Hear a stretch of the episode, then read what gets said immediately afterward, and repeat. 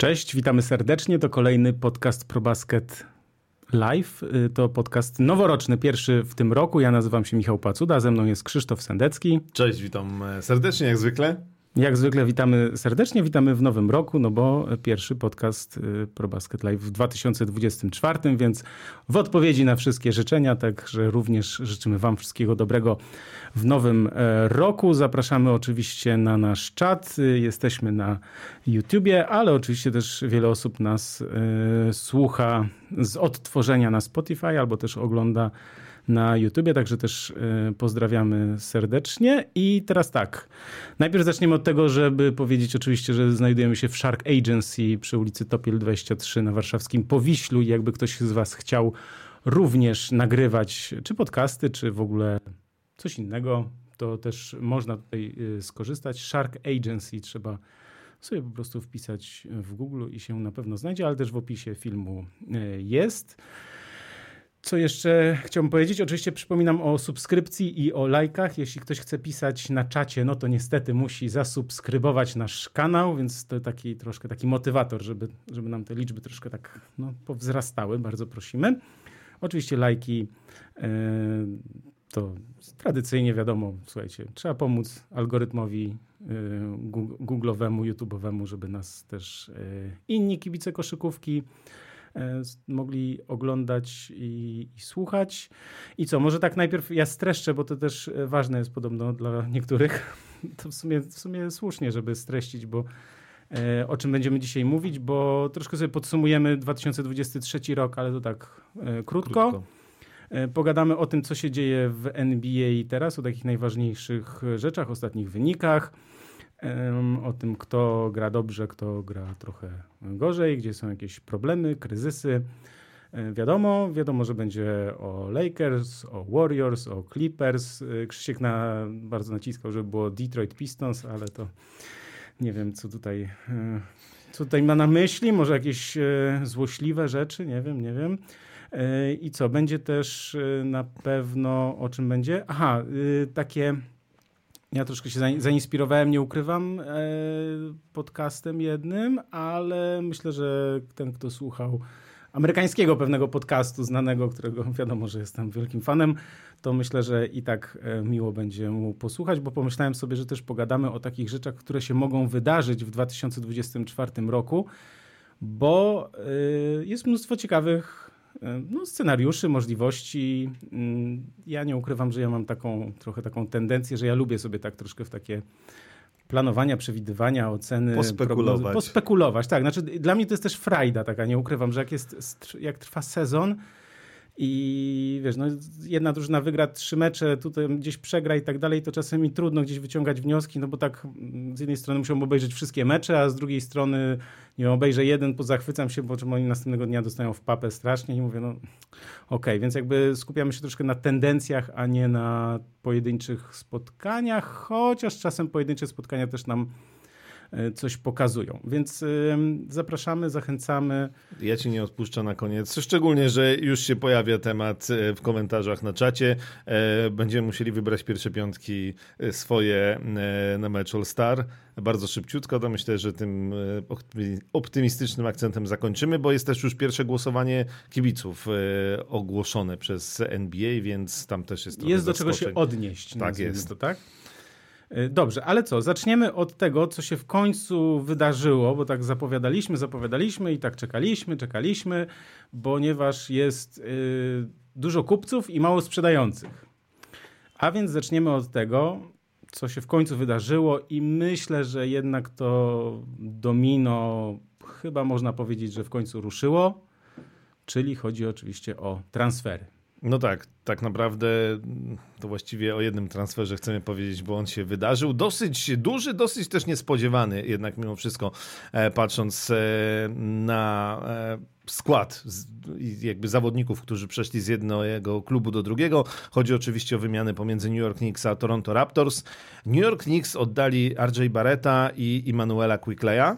I jakieś tam jeszcze wybory drugorundowe w drafcie, coś tam i paczkę frytek.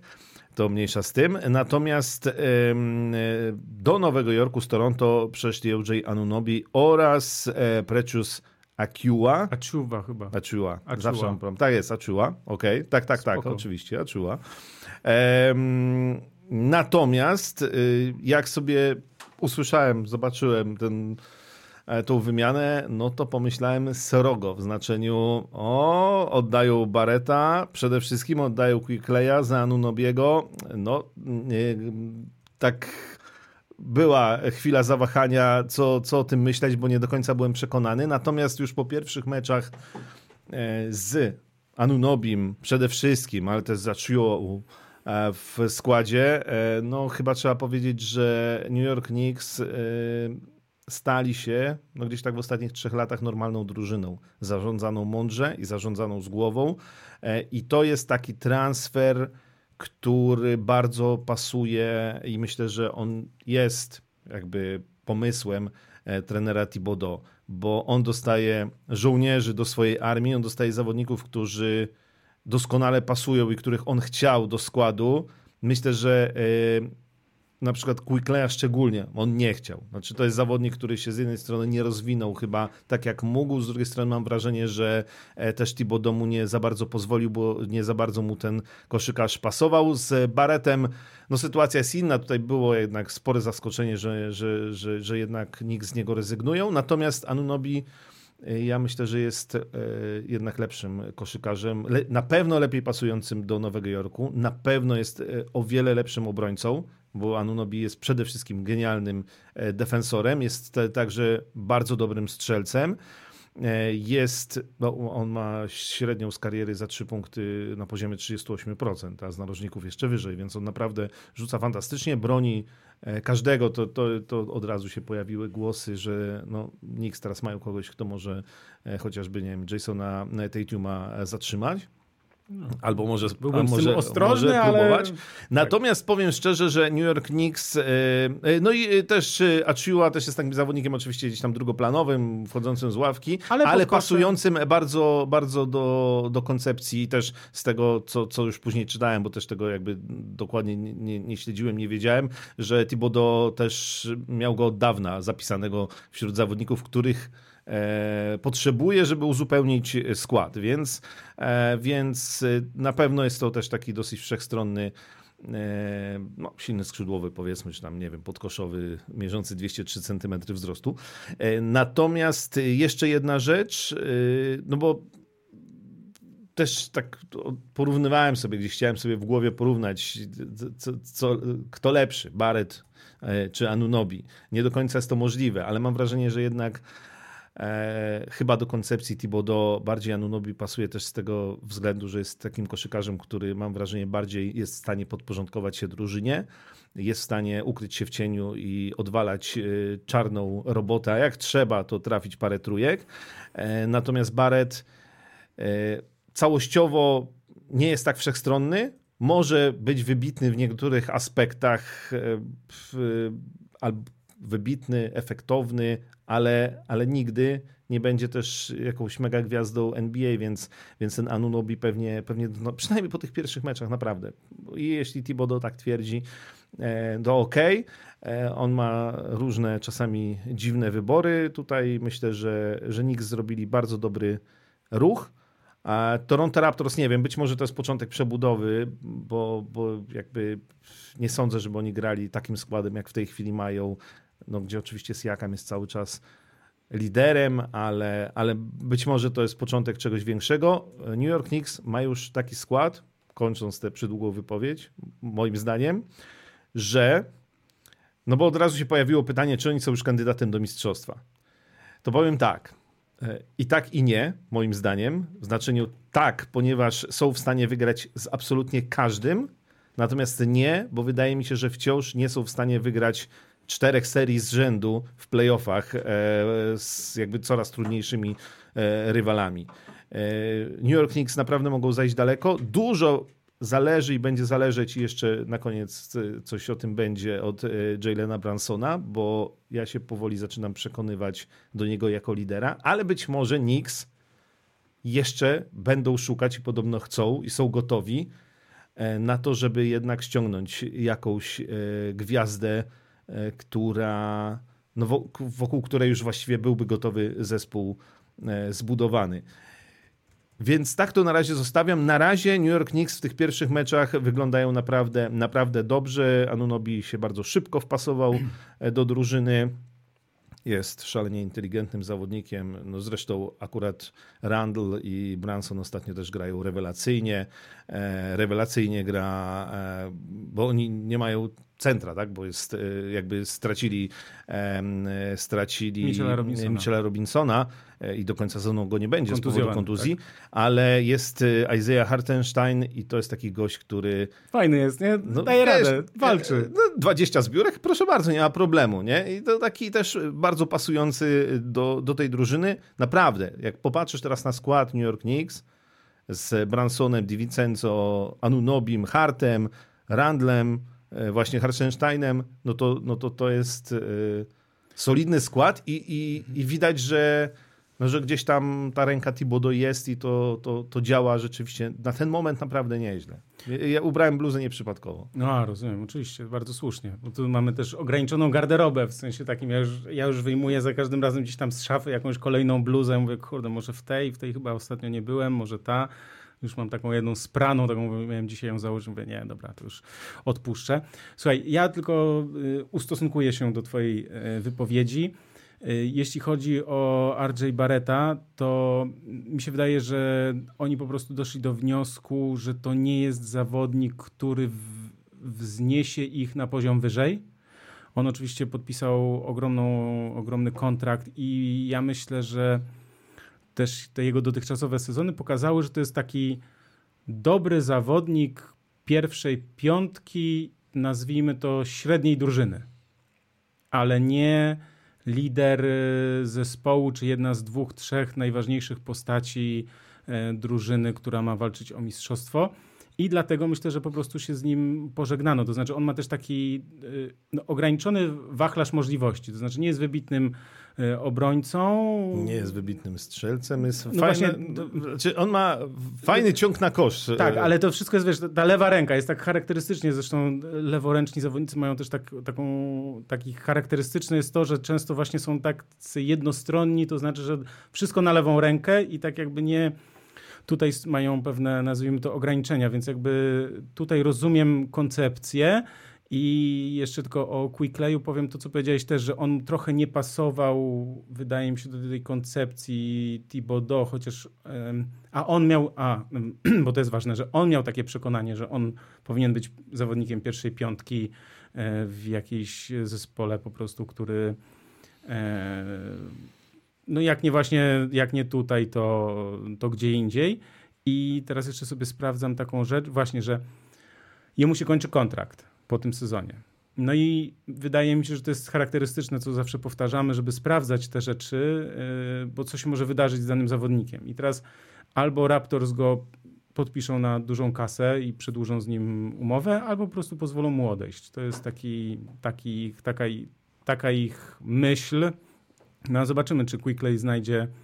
Myślę, że znajdzie. No, no nie, że za tam, nie wiem, tak jak Barrett, że tam po 20 parę baniek w sezonie. To no też ciekawe, co, co Toronto chce robić dalej, bo, bo mam wrażenie, że tam też jest pytanie tak naprawdę e, o co ta drużyna ma walczyć i, i czy ją przebudowywać, czy przebudowywać częściowo, czy budować to wszystko wokół Siakama dalej jakoś, czy to jest no, znaczy, to, to musiałbyś podpisać, przedłużyć z nim umowę, no a oni tak, nie tak, przedłużyli tak, z nim umowy i Siakam, który ma 29 lat, teraz mu się kończy umowa prawie 40 milionów i no, wydaje się, że on jest kolejny. Tak, że, on, że oni czekają no, po prostu na, na więc, dobre telefony. Więc Toronto bardziej w stronę przebudowy, New York Knicks chyba powoli mimo wszystko kończy przebudowę i liczy na to, że... A z drugiej strony, wiesz co, ja mam takie poczucie i też jakby się... Znaczy mam takie poczucie, że Knicks y, są o tę jedną gwiazdę, jednego superstara y,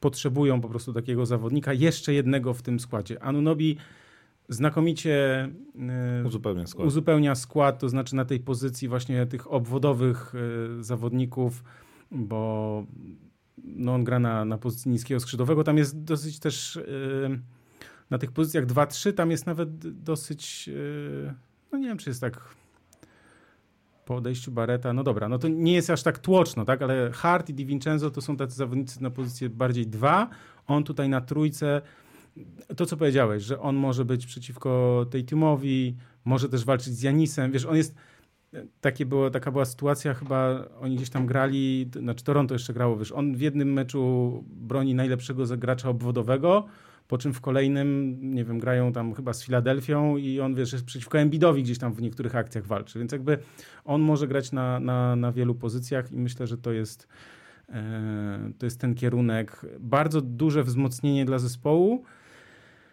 natomiast powiedzieć, że Branson może ich poprowadzić gdzieś daleko, no to jest zawsze to pytanie, czy, czy on jest w stanie, no bo widzieliśmy na przykład go w meczach reprezentacji, no to jakby było tak, że jednak nie, nie on był tutaj najważniejszy. No. Więc tak, ale z drugiej strony tak sobie myślę, że jednak to jego przejście z Dallas do Nowego Jorku w znaczeniu nie chcę, nie chodziło jakby o pieniądze tu i tu, znaczy w Dallas też by dostał, w Nowym Jorku dostał oczywiście wielkie pieniądze, pewnie w Dallas też by dostał, e, natomiast nie chcę być w cieniu Luki Doncicza, chcę być liderem e, drużyny, New York Knicks, no bo cierpimy ostatnio na deficyt wolnych agentów, wielkich gwiazd, E, więc, e, więc e, wzięli i zapłacili i mi się wydawało też, że trochę, trochę za dużo i byłem sceptyczny co do tego. Natomiast tak jak sobie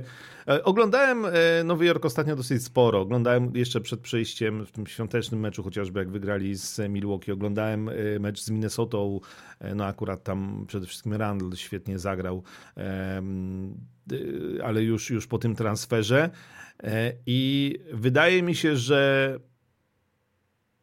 Branson oczywiście musi zrobić, jak to się ładnie mówi, e, o jeden level wyżej wejść, tak. E, bo to jest jeszcze nie jest zawodnik taki z tej absolutnie najwyższej półki tych największych gwiazd NBA.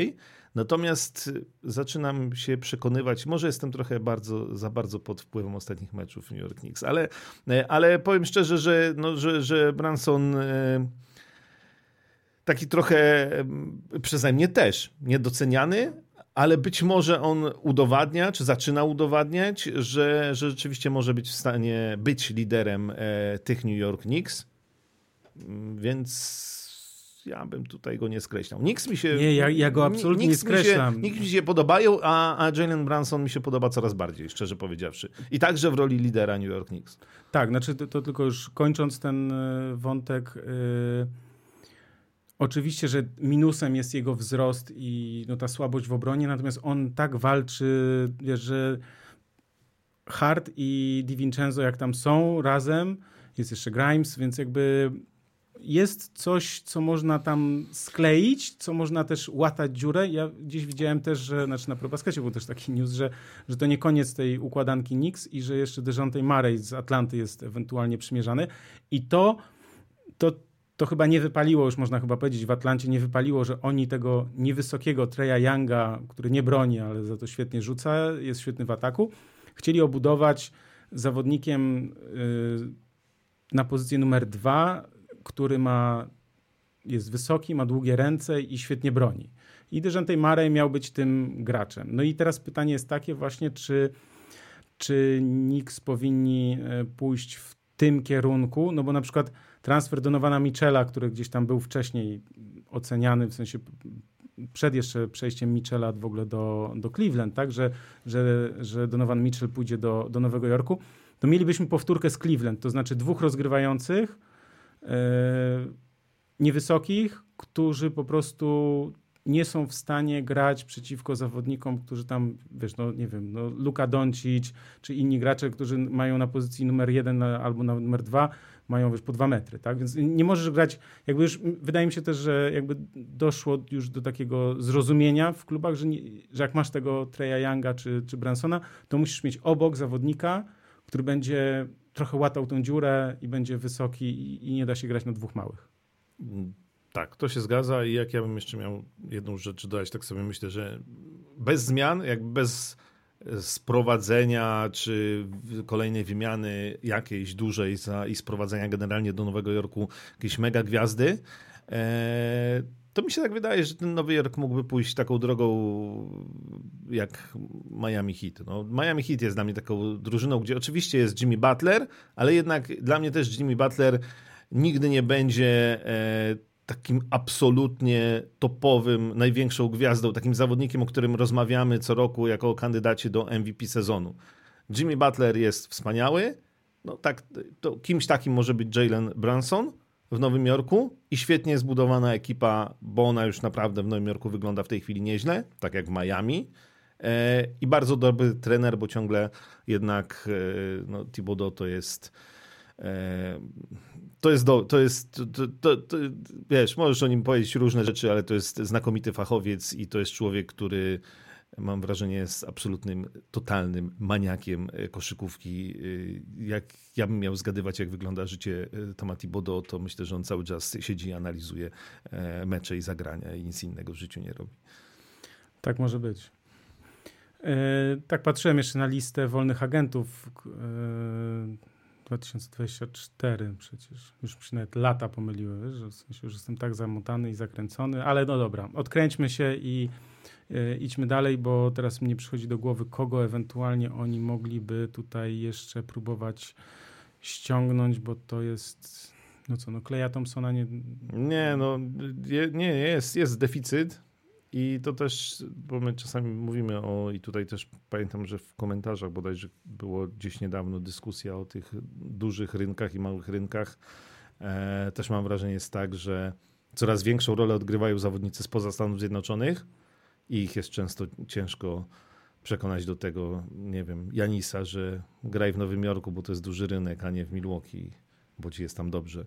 E, i tak dalej. Tak, tak to, dalej. To, to, jest ten wątek, który ja mówiłem, nie? że jakby e, wiesz, dla Janisa to nie ma znaczenia, w sensie jest ładna okolica, nie wiem, piękny dom, w sensie i tak dalej, ewentualnie pogoda może go, wiesz, może go skusić, ale też z drugiej strony, wiesz, gość ma już, wiesz, przed trzydziestką, już dzieci i tak dalej, to tylko jakby jego nie przyciąga go magia, wiesz, Nowego Jorku czy Los Angeles, to nie jest tak jak właśnie no, Westbrook, Mitchella mogłoby to przyciągnąć. Yy, przyciągnie no tak, ale tak, mówimy, że ale, jeśli, ale jeśli stawiają ci... na Bransona, no to zakładamy, że, no. że to się nie, nie, nie zadzieje, nie więc jakby... Tak. Dobra, to co? Lecimy dalej i teraz... Yy... Może też, może na szybko najważniejsze wydarzenia z 2023 roku, bo yy, takie mamy pytanie też na czacie. Zachęcamy Was, żeby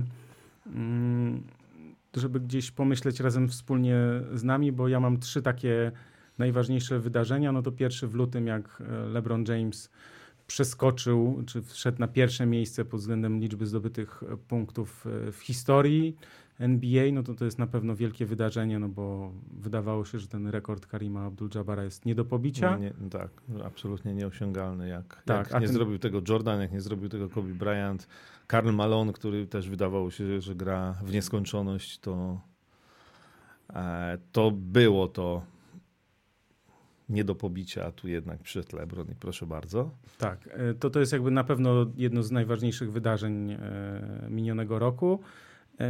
Na pewno mistrzostwo dla Denver Nuggets, no bo to zawsze ten, kto zdobędzie mistrzostwo, to jest największe wydarzenie, że Denver, że w końcu się udało, że Jokic znów nas zachwycił, poprowadził tę drużynę, był naprawdę prawdziwym liderem tego zespołu, grał e, no w playoffach grał jeszcze lepiej niż w sezonie. Zresztą o Denver, jeśli mamy mówić, to wiadomo, że to jest drużyna, która już teraz się skupia praktycznie tylko na playoffach.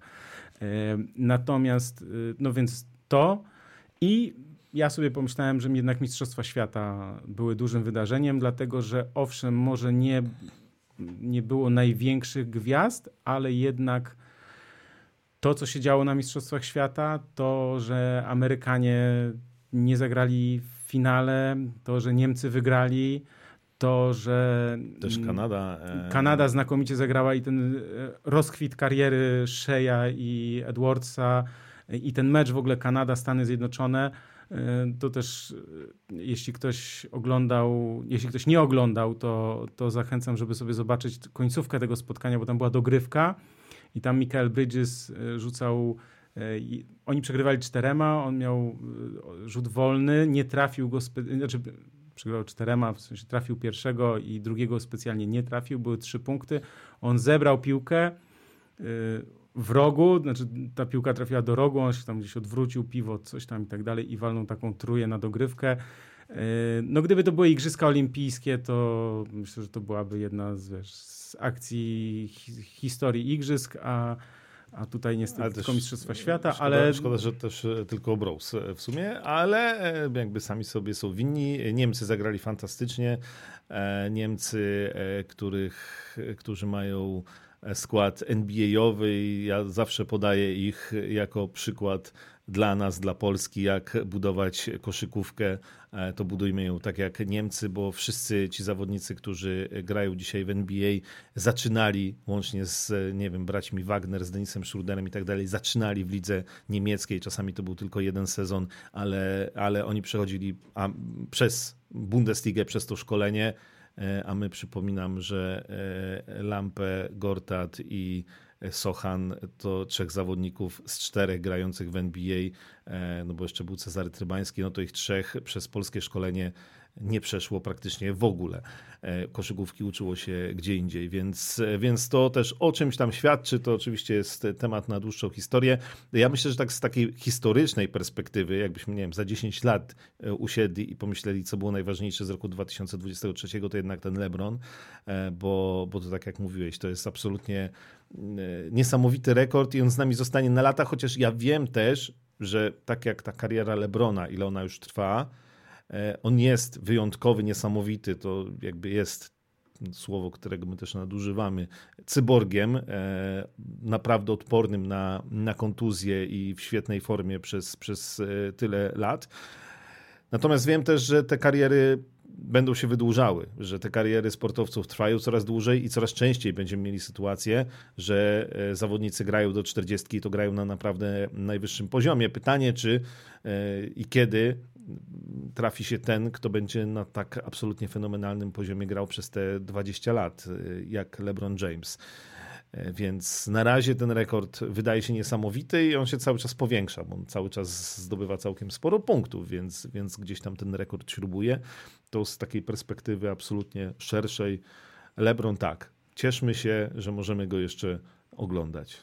Tak, ja y, to przy okazji jeszcze taką e, wrzutkę zrobię, bo tu mi się coś dobrze mi przypomniałeś, bo ym, na Instagramie y, no jest tam Matt Barnes, Lamarcus Aldridge, ja to zobaczyłem na Instagramie. E, Steven Jackson jeszcze, to już taka trójka, wiesz, takich... Mocna. Mocna trójka. no, y, ja, znaczy, wrzucimy chyba o tym na probaskecie newsa, bo to trzeba o tym y, wrzucić. Natomiast y, bo powiedziałeś o tym, że, że wydłużają się kariery, o tym, że to jest strasznie trudne, ciężkie i tak dalej, ta w ogóle granie w NBA. Ja sobie myślę, że jak ja tak obserwuję to przez te ostatnie 30 lat, to, no to, to trzeba mieć poza talentem koszykarskim, umiejętnościami i tak dalej, to trzeba mieć niesamowitego, trochę trzeba mieć szczęścia oczywiście, ale ten też organizm niesamowicie taki wytrzymały i pewnej myślę, że tej wytrzymałości, odporności nie da się zbudować tak po prostu czasem to po prostu jest genetyka i, i rzeczy, których, yy, których nie da się stworzyć. Natomiast Lamarcus Aldridge opowiadał tam o takim, to nie jest nawet, to nie, nie można powiedzieć lekarstwo, bo to jest jakiś wiesz, środek taki e, Toradol to się nazywa. Znasz tę historię, czy nie? Nie, ale ja znam inną historię z tego podcastu, ale to zaraz do niej dojdziemy. No. Okej, okay, no to historia jest taka, że skracając, jakby chodzi o to, że Lamarcus Aldridge mówił, że był, on był tak rozwalony, w sensie tak go wszystko bolało, że oczywiście dostajesz zastrzyk z toradolu i nic ci nie boli. Matt Barnes mówi, że miał po prostu wybity bark, po prostu nie mógł nic ruszać i tak dalej, w ogóle ręką dostał strzała i oczywiście, wiesz, jak, jak młody Bóg.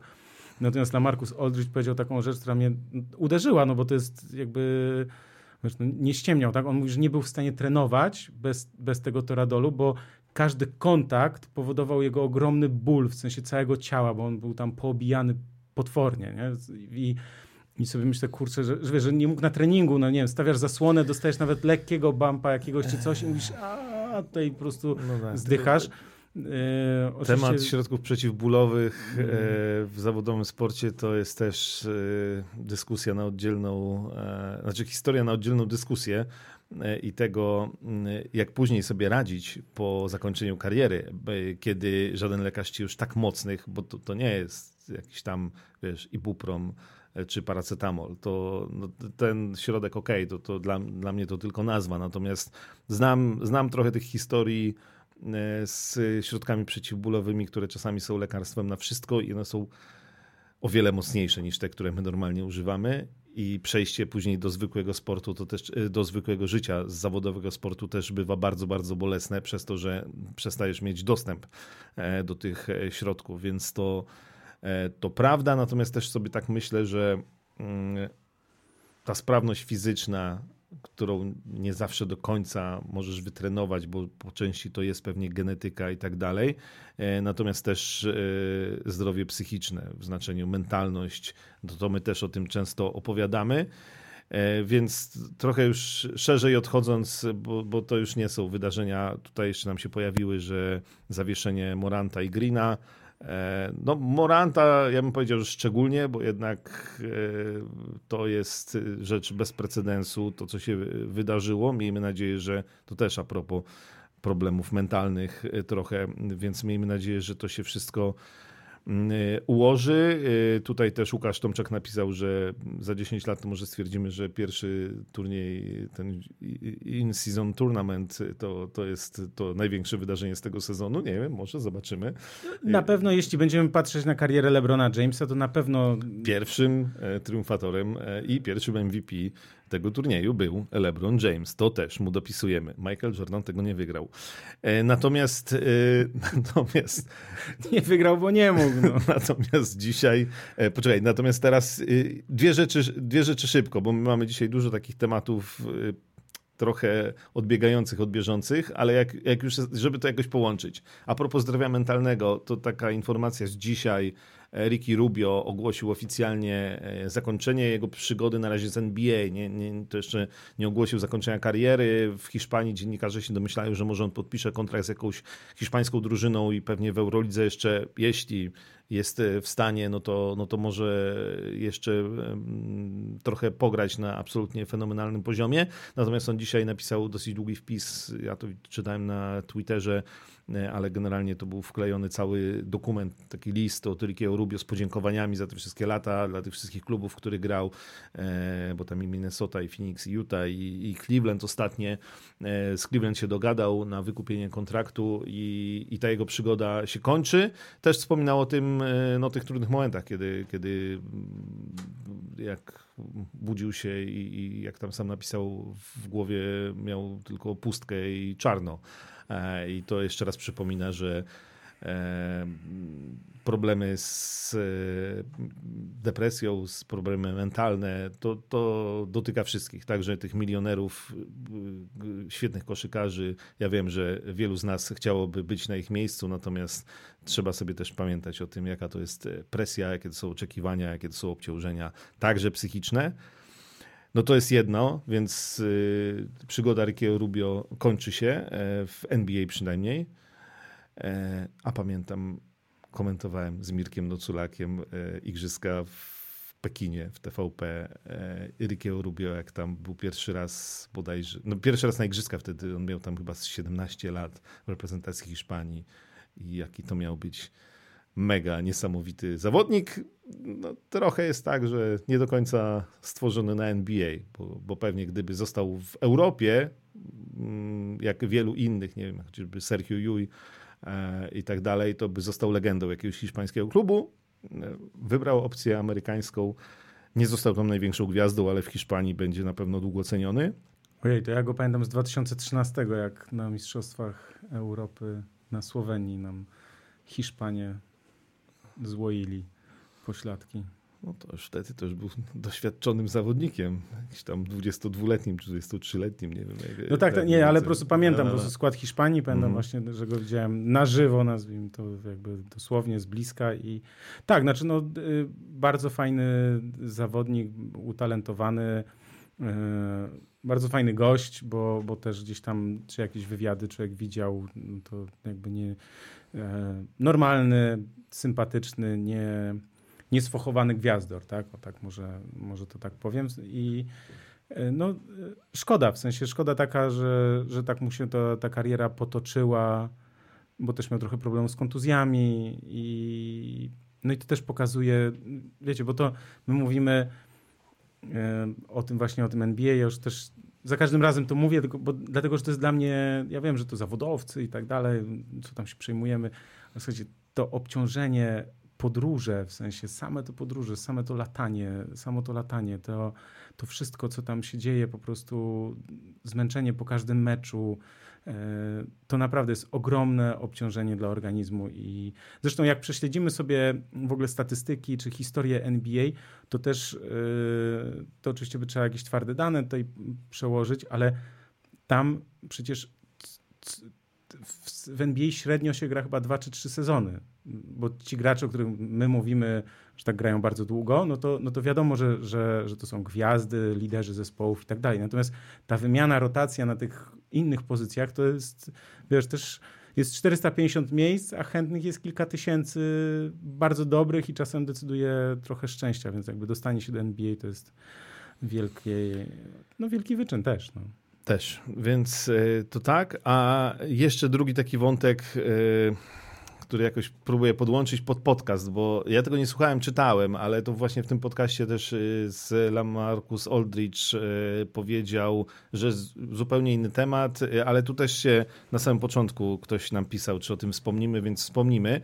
E, że mm, rozmawiali o konflikcie pomiędzy Kawajem Leonardem a San Antonio Spurs. Mhm. E, no i tam pamiętamy, że tam były problemy zdrowotne, długo tak nie było wiadomo o co chodzi, bo Kawaj Leonard nic nie mówił, Greg Popowicz nie za dużo i, i, ogólnie nikt nic nie wiedział. W końcu on odszedł z tego San Antonio, e, a przecież był MVP finałów przy okazji ostatniego tytułu San Antonio Spurs w ich historii.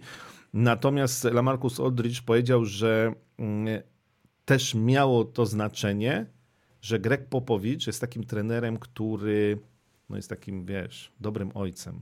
Zagląda we wszystkie sfery Twojego życia, rozdaje Ci książki, rozmawia z Tobą, uczy Cię stolic e, państw e, na świecie, żebyś wiedział, gdzie jest Argentyna, gdzie Hiszpania, a nie tylko e, gdzie Floryda.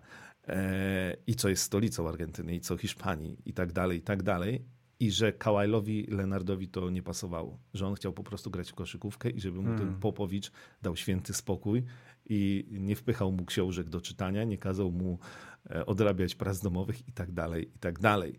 Więc e, i to jest jakby zupełnie inny wątek, którego wcześniej, wcześniej nie było. Ciekawy swoją drogą, e, ale ja też i przy okazji tego i przy okazji trochę tego, o czym rozmawialiśmy w poprzednich podcastach, czyli koniec końców zakończonego, nazwijmy to, e, zakończonej próby przerobienia, przynajmniej czasowo, Jeremiego Sochana na rozgrywającego i patrząc na wynik obecny, bilans San Antonio Spurs, zacząłem się zastanawiać, a co jeśli Greg Popowicz robi nas wszystkich w konia? W znaczeniu, ja wiem, że on jest wielkim trenerem. Ja wiem, że te 80 milionów i te 5 lat e, kolejnego kontraktu do jego 80 to jest wow. Ja wiem, że on tam jest od roku 97 e, i e, zdobywał tytuły mistrzowskie, wychowywał kolejnych wielkich koszykarzy, wielką drużynę stworzył. Mhm. Natomiast może, no może już nie. Znaczy może, nie wiem, jest może już za stary, może to już nie działa, może czasy się trochę zmieniły, może z tego San Antonio Spurs jednak, bo my tak cały czas mam wrażenie, że podchodzimy, że ja, ja wiesz, jakby też jestem urzeczony, jestem też fanem Grega Popowicza, ale zacząłem się zastanawiać, czy może, a co jeśli za pięć lat oni wciąż będą przegrywać i zmarnują tego Wembaniamę? I jakby tam nic nie powstanie, nie będzie kolejnej mistrzowskiej drużyny, nie będzie drużyny walczącej o mistrzostwo, bo, bo w tym sezonie, e, ja wiem, uczymy się i tak dalej, natomiast y, taka mi przemknęła przez głowę myśl, a co jeżeli to jest trochę pusty przelot i nic z tego nie wynika? Czyli, a co jeśli to jest tak zwane latanie na dywanie, tak? Dokładnie. Czyli, wiesz co, y, trudno znając moją rolę też, trudno mi się na ten temat wypowiadać. Natomiast rozumiem, o czym mówisz i jakby rzeczywiście, no, no, no wiesz, to sobie od, będą odpowiadać na to pytanie w San Antonio, tak? To znaczy też młodzi zawodnicy też widzą te wszystkie rzeczy. Wiesz, Popowicz ma też cały sztab wokół siebie, nie? Tam jest kilka osób, które też mu coś podpowiadają i tak dalej. Ja myślę, że że to też zależy od osobowości, nie? W sensie takim, że Kałaj Lenard, że Lenardowi to nie odpowiadało, bo pewnie sobie myślał, co mi się będzie ten gość tutaj wtrącał, w sensie w życie i tak dalej, tam te książki, to, wiesz, Szak też sobie robił żarty z y, Phila Jacksona, nie? W sensie gdzieś tam też było w tych książkach, mhm. czy gdzieś on tam pisał też o tym, że... No ale trochę inne usposobienie też jakby u Szaka i trochę mam wrażenie, że jednak inny charakter e, człowieka. E, no, Szak, no, oczywiście, że inny zupełnie bo to jest, wiesz... To też zależy, jak do tego podejdziesz. Możesz się z tego trochę podśmiechiwać i nic sobie z tego nie robić, a możesz, e, być może, jak Kawhi Leonard, e, może cię to po prostu irytować. Jasne, ja to rozumiem. Wiesz, no to młodzież, młodzież zweryfikuje, no bo no, oczywiście, że oni mogą też mieć, wiesz, no trochę tak... Yy mogą mieć też gdzieś takie poczucie, dlaczego na przykład, nie wiem, Trey Jones nie gra w pierwszej piątce, tak? Bo żeby był rozgrywający. Nagle Keldon Johnson jest przesunięty na, na ławkę rezerwowych, to też po to, żeby się inni rozwijali i tak dalej. Ja to Czy rozumiem, to nie jest nie? trochę tak, Ale... tak, że wiesz, Greg Popovic właśnie, ja już jestem takim geniuszem, że ja sobie, wiesz, przestawiał wszystko do góry nogami, a i tak wszyscy mówią, o super, fajnie, ja, fantastycznie. Jest coś takiego, jest taki kazus takiego tak zwanego mistrza, tak? W sensie takim, że wszyscy patrzą, a potem się okazuje, że król jest nagi, nie? Jakby, e, wiesz, jakby zostawiamy to mądrzejszym od nas, co my się będziemy martwić, niech oni się martwią, jak to się ładnie mówi. E, ale tak, rzeczywiście, no warto to obserwować, to też, wiesz, zobaczymy, bo myślę, że Łębania ma też jakby ma charakter taki, wiesz, że chce wygrywać, więc jakby jak to się szybko gdzieś tam coś nie zadzieje, to nie pozmienia, no to... Żeby się nie skończyło tak jak w Detroit Pistons. No właśnie, to jest ten czas, kiedy chciałeś powiedzieć o Detroit Ale Pistons. krótko, wiesz co, ja w ogóle Dobrze, chciałem, bo zapomniałem powiedzieć krótko. a propos e, sztabów trenerskich, ojców i tak dalej, E, i Nowego Jorku, o którym rozmawialiśmy, a zapomniałem powiedzieć, że przecież e, ojciec Jalena Bransona jest e, asystentem Thibodeau, więc no, wszystko zostaje w rodzinie. Tam jest idealna sytuacja w tej W przypadku nie ma. Nie ma. Nie, o Detroit Pistons to tylko tyle i to nie jest to jedno z trzech wydarzeń 23 roku, chociaż, no nie, chociaż poniekąd historyczne, nie no, historyczne. 28 porażek z rzędu Detroit Pistons w jednym sezonie. To jest rekord NBA, niechlubny. E, oni się byli bliscy przełamania się tego w meczu z Bostonem, co ciekawe, ale w końcu przegrali e, po dogrywce, natomiast w końcu się e, przełamali e, i zaczynamy liczenie od nowa, bo po jednym zwycięstwie zaczęli znowu przegrywać. E, natomiast e, dobra, nie będziemy się dzisiaj na Detroit rozwodzić, natomiast to jest pytanie o to, w którą stronę zmierza Detroit Pistons, jakby nie było trzykrotnie mistrzowie NBA. E, drużyna, która ma swoją historię, a właśnie mm, drużyna, która już nie, nie chce tankować, tylko chce wygrywać, a przegrywa 28 meczów z rzędu. Drużyna, która na papierze ma zawodników, którzy zasługują na to, żeby być trochę wyżej w tabeli. Y, ale jest zupełnie nie, widocznie tam... źle zbudowana. Co z takimi ludźmi jak Kate Cunningham zrobić? Co z nim zrobić? Czy on będzie gwiazdą NBA? Czy on będzie zawodnikiem, który nigdy nie wypali? Czy, on, czy to jego gra zależy od tego, że jest w tak słabej drużynie? Czy on się nie nadaje na lidera? E, dużo pytań mam co do Detroit Pistons, ale nie wiem, czy jest sens o tym dzisiaj e, za dużo Poczekaj, bo ja włączyłem kalkulator, bo chciałem ci też nie. powiedzieć, no. e, wiesz, z matematyki to tam silna trójka była, więc jakby musiałem włączyć kalkulator. E, bo najgorszy bilans, nie wiem czy wiesz, jaka drużyna miała najgorszy bilans yy, procentowo, niestety. To jest no, ale, ale, podchwytliwe pytanie. Z, z, ostatnich lat, jakbym miał z, z ostatnich, to bym powiedział, że albo Filadelfia gdzieś tam ten 13, 14, 15 te czasy, albo Cleveland po odejściu Lebrona. Nie, no, jeśli chodzi o ostatnie, no powiedzmy 12 lat, to yy, i w ogóle chyba w, no, na pewno w ostatnich 30 latach, to Charlotte Bobcats, którzy w sezonie chyba 2011-12, w tym skróconym sezonie, bo był lockout, okay. oni mieli bilans 7,59, jeśli ja się nie mylę, tutaj sobie sprawdziłem, i to jest y, procentowo to jest 10,6%. I, I, na szybko sprawdziłem sobie, bo ja pamiętam, ja pamiętam takie sezony Dallas Mavericks, gdzie oni mieli chyba po 12 czy 13 to 10 wygranych z 82 meczów to już jest 12%. Mhm. Czyli muszą mieć, wiesz, no... 10 meczów wygranych. Żeby nie, być, nie mieć najgorszego procenta, jeśli chodzi o... Idzie w tym kierunku. Tak, natomiast jak mnie spytasz o, o skład w ogóle, poczekaj. A, czyli jednak pogadamy o Detroit, tak? Nie, nie, ja tylko chciałem y, powiedzieć, bo wiesz, jak coś wiem, to chcę powiedzieć, a jak nie wiem, to się nie wychylam. Tam y, wiem, że Bojan Bogdanowicz miał kontuzję, więc. No tak, wrócił.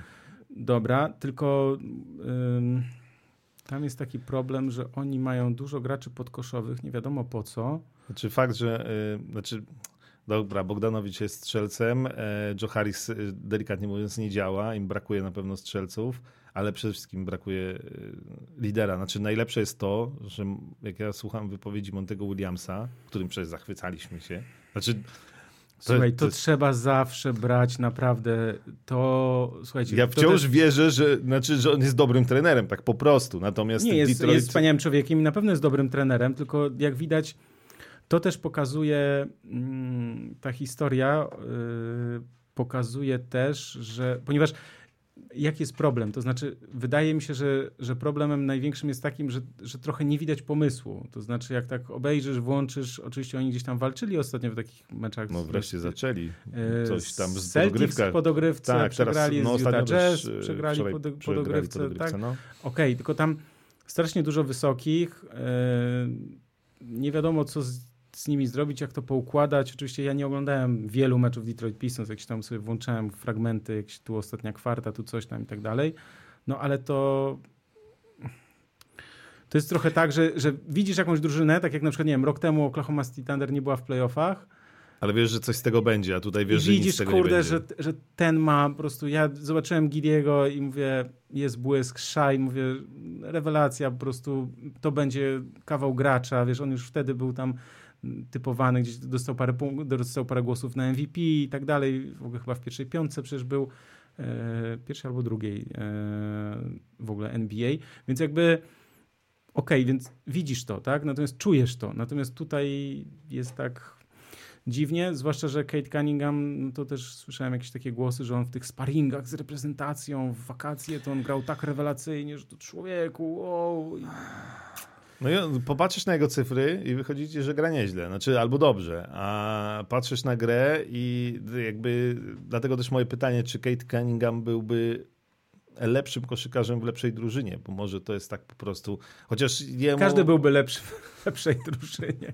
Pamiętaj o tej złotej ta, zasadzie. Ta, ta drużyna no. jest tak to jest beznadziejnie... zasada Luka, Luka Longleya. No. Dokładnie. Ta, ta, drużyna jest tak beznadziejnie e, zbudowana, tak jak mówiliśmy o New York Knicks, e, że wreszcie po latach jest mądrze budowana, jak oczywiście Miami Heat jest takim mega przykładem z trenerem Spelstrą, że on z niczego potrafi zrobić e, kontendera tak zwanego to, to po polsku proszę. E, pretendenta do mistrzostwa, o, proszę bardzo. Dziękuję. E, no to, to tak, wstawki. to w Detroit jest zbudowana zupełnie bez pomysłu, z jakimiś tam, wiesz, Weissmanami, Bagleyami. Nie no, Wiseman to w ogóle też, wiesz, no. I tak dalej, i tak dalej. I, e, I tam wszyscy wyglądają, i Joe Harris tam wygląda źle, i i co, Jalek Barks wygląda źle. No, no, Bogdanowicz wygląda w miarę, ale to trochę nie, za no, mało. Jak, jak, nie, jak nie idzie całej drużynie, nie. to nikomu no nie i, idzie. Tak, I Monty jakby... Williams też wygląda źle w tej drużynie jako trener. Niestety. Ale to, dobra, to już kończąc naprawdę, nie, nie zostańcie z nami, nie, nie przełączajcie odbiorników, bo już przechodzimy dalej, ale to też taką, tak mi się wydaje, że to jest też taki case, y, warto na niego zwrócić uwagę, że to, że jednemu, że jeden trener no, błyśnie jako trener jednej drużyny, to nie znaczy, że on zawsze będzie, wiesz, to jest trochę taki, znaczy zobaczymy, ja nie chcę skazywać Mondiego Williamsa na to, na, na banicję i, i w ogóle, że, że, że nie, że, że nie, bo wiesz, może za rok albo za dwa będziemy tutaj przepraszać i odszczekiwać pod stołem, ale chodzi o to, że, że też były takie przypadki w historii, kiedy ktoś się okazuje dobrym trenerem, ale to, to był to był case tego, że po prostu zawodnicy pasowali do tej koncepcji, tak? A nagle się okazuje, że z innym składem to już zupełnie inaczej, bo on też chce zawodników dostosować do swojej koncepcji. Ja zawsze powtarzam, że dobry trener, czy wybitny trener dostosowuje, zawodnik, dostosowuje taktykę do zawodników, aby ci zawodnicy byli jak najlepsi. Natomiast jak masz zawodników i każesz im po prostu grać to, co wydaje ci się, że jest najlepsze, no to to jakby pokazuje, że po pierwsze twoją słabość, a dwa, że to najczęściej po prostu się nie sprawdza. Tyle. Hashtag smuteczek. Detroit to cudowne, opustoszałe miasto, więc Boże, klub byłem się, tam. klub się dostosował. To, o jest, to ja mogę jeszcze jedną wstawkę? Czy ja ją opowiadałem, czy nie? Ja Jak pojechałem z kumplami y, z Chicago A, do Detroit zimą? No. Ale opowiadałem w podcaście? Nie, nie wiem, czy w podcaście. No. Ty znasz tę historię. Dobra, to jeśli opowiadałem, to przepraszam, a jak ktoś nie słyszał, to, to, to, to, to nie jest jakaś wstrząsająca historia, ani y, nie rzucę na kolana, ale byłem tam, jechaliśmy zimą 6 godzin chyba z Chicago do Detroit, 10 czy tam 11 lat temu. No i wje, wjechaliśmy i po prostu miasto zabite dechami. Znaczy, byliśmy, przejeżdżałem przez jakieś przedmieścia i tak dalej, za, autentycznie zabite dechami. Po prostu domy pozabijane dechami, y, drzwi, okna i tak dalej, po prostu opustoszałe. No i był tylko jeden sklep taki alkohol, alkoholowy i chłopaki mówią, że ej, Mike, tam weź wysiądź i zapytaj o drogę, to masz u mnie stówę, nie? Ja mówię, stary, jak ja wysiądę, to już nie wracam, nie? Więc jakby to było przerażające i w środku kasyno centrum miasta, czy tam gdzieś, w sensie wielkie kasyno, hotel pięciogwiazdkowy. Takie było, po prostu wtedy to było po tym kryzysie, w sensie po tym upadku General Motors chyba i tak dalej, że też tam, ja mówię, jak to jest, że to się tak rozwija, a oni mówią, że no, że ci co, wiesz, jak tylko coś zarobią, to lecą do kasyna, nie? Więc jakby straszne, w sensie taka tam się oczywiście pozmieniało i na pewno się rozwinęło. No trochę tak, no bo oni też chyba mają nową halę. mają nowe w, tak, rzeczywiście tak. w Detroit, w Detroit, Detroit jakby w mieście ta hala, więc jakby... A i pamiętam jeszcze taką sytuację, że sprawdzali wszystkich wykrywaczem metali, nawet Joe Dumarsa. W sensie, bo wchodził po mnie, tym tam wejściem takim dla mediów i tak dalej i byłem zszokowany, bo rozumiem, że wiesz, w Chicago to Mhm. po prostu wszedłem, dostałem akredytację, pokazałem paszport, dziękuję, idę dalej, nie? W Los Angeles przeszukali mi bagaż, bo byłem z walizką z, prosto z lotniska. Okej. Natomiast wiesz, wykrywacz metali od góry do dołu po prostu Joe Dumarsa, nie? W sensie, e, który pełnił wtedy funkcję, nie wiem, generalnego menedżera chyba, czy tam jakiegoś, no bardzo ważną postać w, Mhm. w klubie, no. To taka dygresyjka. Tyle o Detroit. No i 53 minuty, pach, kurde, już wszyscy wyłączyli. E, tak, trudno. Więcej nie będziemy rozmawiać o Detroit. Ale to jest smutne, że oni nie tankują. Oni by chcieli wygrywać, a przegrywają. Jeszcze, żeby tam jakaś była perspektywa. Dobra, słuchaj, bo ja tu No. znowu popłynę, znowu będę gadał jakieś głupoty. No dobra, nie, ludzie dobrze, nam tyle o pouciekają, Detroit. no. E, proszę. Co? E, no tak, nie, to no, idźmy. y, o jakichś ostatnich wydarzeniach pan coś powie? Ale wiesz co, to bardzo szybko dzisiaj, bo to nam dzisiaj to mamy za dużo rzeczy tutaj w tym podcaście zaplanowanych. E, to wiesz co, to tak trochę odbijając się od meczów minionej nocy, bo to jest całkiem niezły sposób, który przerabialiśmy, żeby jakoś szybko coś podsumować. Obejrzałem sobie mecz dzisiaj w nocy. Gratuluję. Super, nie? W nocy nie spałeś? Nie, nie, nie, się, nie, no dobra, rano, nie? Odprowa- odprowadziłem córkę do przedszkola i poglądałem. E, ja jestem za stary już na to. E, To już wiemy. To... Słuchaj, y, ta, Indiana wygrała z Milwaukee 142-130. Bawiłem się e, nieziemsko e, i ten wynik nie jest przypadkowy. Ja powiem to w skrócie. Ja, y, mm, to są dwie drużyny, które mają genialny atak. Czekaj, patrzę w statystyki. Indiana cały czas najlepszy atak w lidze, Milwaukee na trzecim miejscu. Obie zdobywają ponad 120 punktów na 100 posiadań. Natomiast Indiana jest przedostatnia, jeśli chodzi o obronę w lidze, 29 miejsce, Tak, tak, to e, klasyka. ale Milwaukee jest 24. I ja zaczynam się o to twoje Milwaukee martwić. Kochany, ja się zacząłem martwić już w listopadzie, więc. Ja powiem ci tak, ja ciągle, gdybym jeszcze raz, znaczy gdybym był tam generalnym menedżerem Milwaukee, jeszcze raz miał przepro- przeprowadzić No, no, ten no. transfer, Bym się e, oddać. Drew Holiday'a i y, wziąć Lillarda, to bym to zrobił jeszcze raz. Ciągle jeszcze, jeszcze y, jestem, że tak. Natomiast e, oni w obronie grają fatalnie. E, I Indiana, to, to wyglądało tak, że Indi- Indiana jakby na przyspieszeniu grała, a oni w tej obronie na stojąco, jak żółwie lub ślimaki. E, We wszystkim byli szybsi. E, I z tego płyną dwa wątki, ale zanim dwa wątki, to jeszcze muszę powiedzieć, e, Taris Halliburton w tym meczu 31 punktów, 12 asyst, a on już miał ostatnio mecze, że miał 20 asyst, ponad 20, 23 chyba nawet. A dla, I przede wszystkim dlaczego się bawiłem, bo to nie ze względu na ten wynik, chociaż to oczywiście takie mecze są trochę zabawne, jak drużyny rzucają w sumie 272 punkty. Mhm. Natomiast Halliburton, nie dość, że on jest w tym sezonie fenomenalny, znakomity, niesamowity i efektowny, mega, to on się zrobił bezczelny.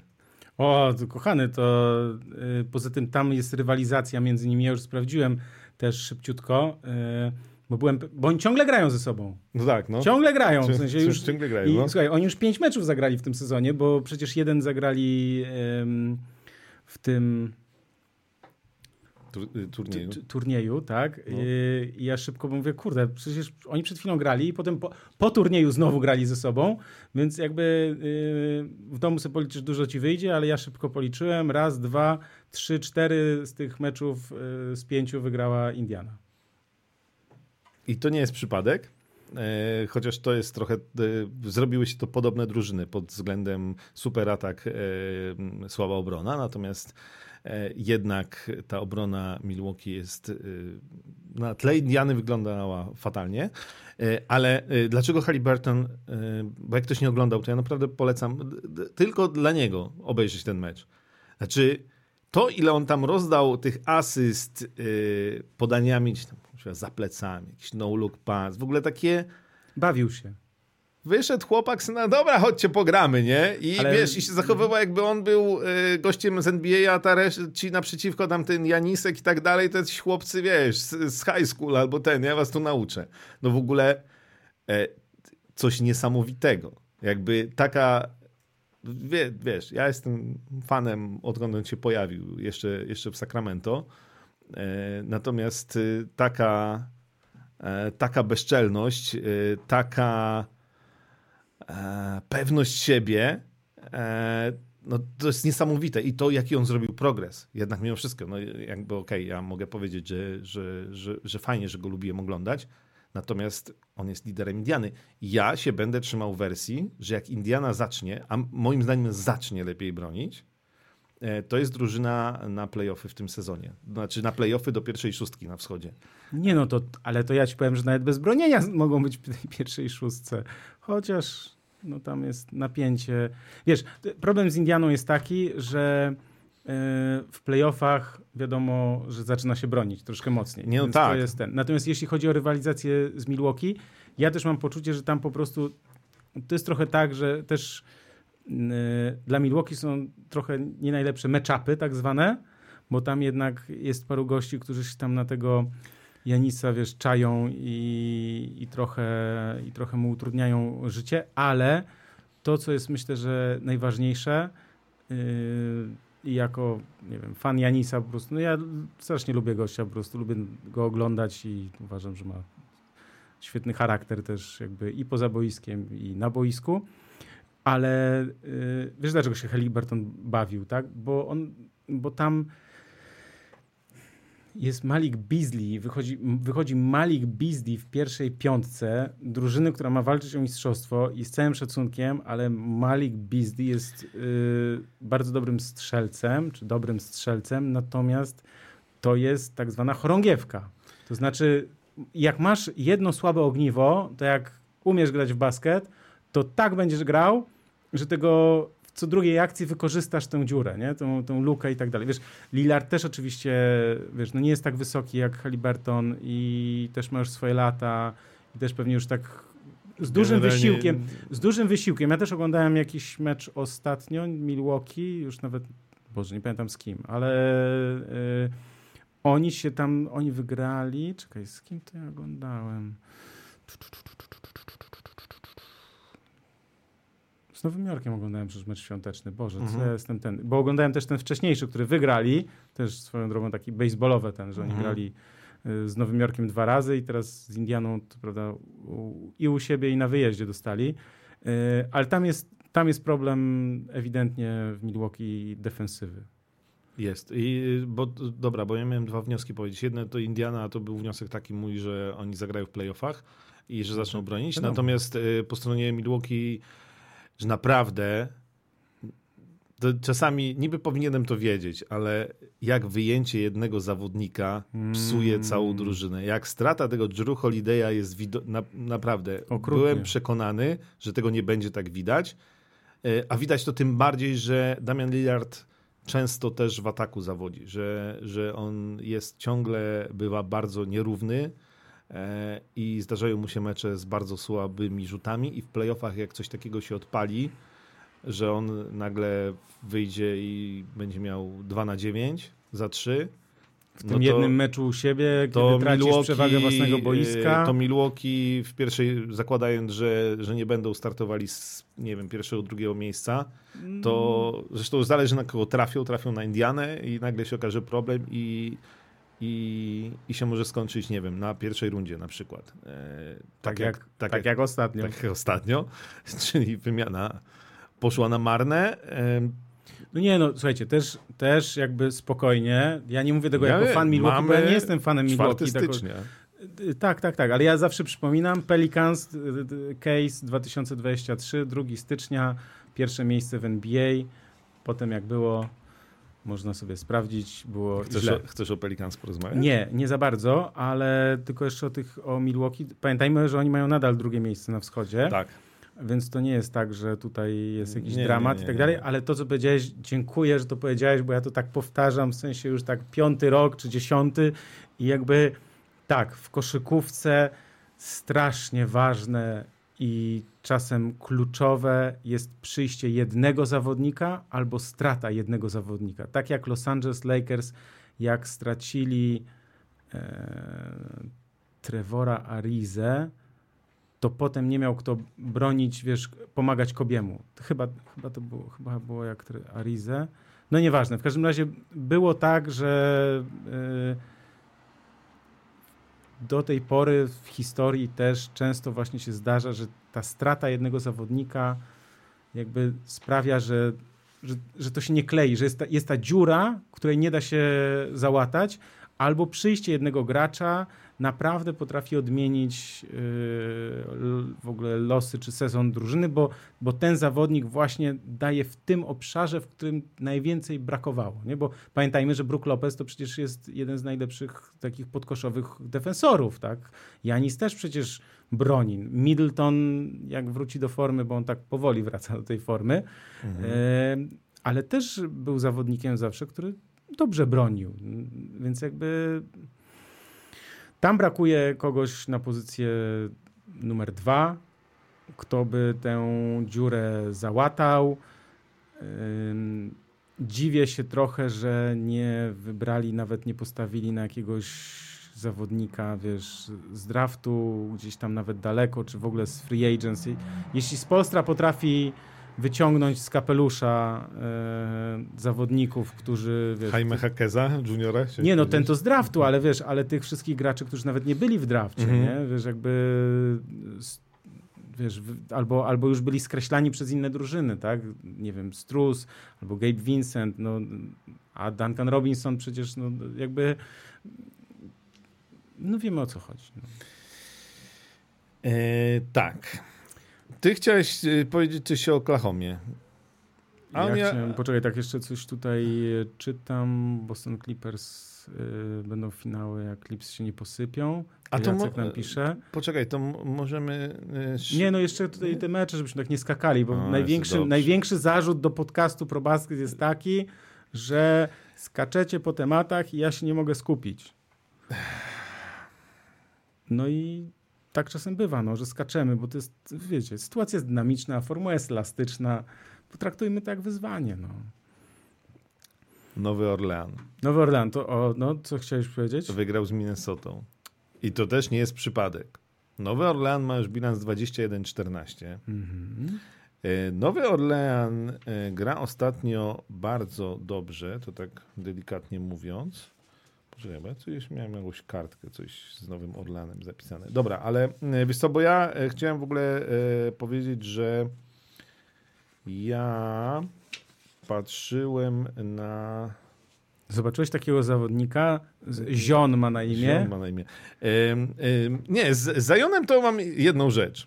Ja dawno nie oglądałem Nowego Orlanu. Średnio mnie interesuje ta drużyna i, i, jakby nie, nie jest tak, że jestem jakiś, wiesz, w meczu z Minnesotą byłem za Minnesotą. Minnesota mi się podoba, o Minnesocie dużo rozmawialiśmy. Anthony Edwards e, to też obok... Michael Jordan. Tak jest, obok e, Halliburtona to jeden z tych zawodników, których jak się pojawili, chociaż jego oczywiście łatwiej było od razu e, wypatrzyć, bo też dużo wyżej w drafcie był, delikatnie mówiąc. Natomiast, e, natomiast co ja chciałem. Aha. W Pelicans. Mhm. Tak przemknął. Znaczy, a propos Zajona. Zajon gra. E, w większości meczów tego sezonu zagrał. Tam opuścił coś, ale generalnie gra. Delikatnie ma niższe statystyki, no ale trochę to trudno porównywać z sezonami, jak miał po 29 meczów. Więc jakby te statystyki są niezłe. Z nim jest trochę problem jak e, z, no może na innym etapie kariery, życia i miejsca ten, jak z Julianem Bransonem, znaczy musi zrobić wreszcie ten e, albo krok w górę i będzie drugim Lebronem i będzie mm, gościem, o którym będziemy dyskutować jako ewentualny MVP, albo tego nie zrobi i na zawsze zostanie e, jednak niespełnioną nadzieją. I, i przyszła mi do głowy jedna rzecz. Jednak, a propos Zajona. Ty jak gdybyś, jak ty byś był na przykład menedżerem nie, tam klubu, dajmy na to, nie? I ktoś by ci powiedział, super gościa, nie? Mega, w ogóle ten. I ma 198 cm wzrostu i nie rzuca za 3 no to nie, ej, ty nie ma takich koszykarzy. Znaczy, on jest zaprzeczeniem koszykówki, tak przyszło mi do głowy. Jest to dosyć oczywiste, patrząc na to, jak gra Zion, ale z drugiej strony e, miał być tym wybrykiem, tym niesamowitym gościem, innym niż wszyscy, kolejnym jakimś tam jednorożcem w swojej kategorii. E, natomiast zastanawiam się, czy on jest w stanie zrobić rzeczywiście taki krok, żeby te wszystkie nadzieje, które gdy przychodził do NBA, się chociaż trochę e, spełniły. Czy, bo Zion w tej chwili, ten, który jest, to jest. Okay. Nawet nie wiem, czy mogę powiedzieć lider, niezłej drużyny. No i tyle. I, e, I mam takie ambiwalentne uczucia co do Zajona, bo z jednej strony czasami mnie zachwyca swoimi szybkością, zwrotnością przy tych gabarytach, e, jak tam e, potrafi zakręcić obrońcami albo zrobić ładny piwocik i wkręcić się pod kosz i nikt nie wie, gdzie jest piłka, piłka jest w koszu. No oczywiście slam dunki i tak dalej też podania, jakby to IQ koszykarskie naprawdę dostrzegam. Natomiast z drugiej strony te statystyki nie poszły w górę. E, rzucać za trzy pewnie się nigdy nie nauczy, więc to jednak w dzisiejszej koszykówce mimo wszystko będzie go e, gdzieś tam ograniczać. E, I, takie my przyszły, wiesz, myśli, co dalej może się wydarzyć z Zajonem, mimo że w tym momencie u boku Ingrama, Valenciunasa, McColluma, no oni są strzelcami przede wszystkim, tak? Ingram, McCollum trafiają za trzy, to, to Pelicans momentami naprawdę dobrze się ogląda, a ostatnio grają rzeczywiście e, fenomenalnie. No tak, znaczy jeśli chodzi o Zajona, to tam jest też kwestia taka, że on nie do końca dobrze broni, bo tam chyba Herb Jones wychodzi w pierwszej piątce po to, żeby łatać tę, tę dziurę. W ogóle tam jest taki trochę problem z ustawieniem tej piątki pierwszej, bo ta pierwsza piątka jak się zrobi takie statystyki yy, pogłębione, zaawansowane i tak dalej, to wychodzi na to, że ta pierwsza piątka wcale nie jest taka dobra, yy, ale oni to ostatnio zaczęli wygrywać. Yy, z Zionem jest tak, że wiesz, on Pamiętajmy, że Embiid, ile Embiid stracił przed rozpoczęciem kariery? Dwa lata? No, znaczy na, na rozpoczęcie no, kariery, no, tak? Mm. No właśnie. I wiesz, może może Zion musi się rozpędzić. Może to będzie taki kolejny case takiego zawodnika, który yy, potrzebował trochę, wiesz, żeby tam wejść do tego NBA, miał trochę problemów ze zdrowiem i tak dalej, teraz gra.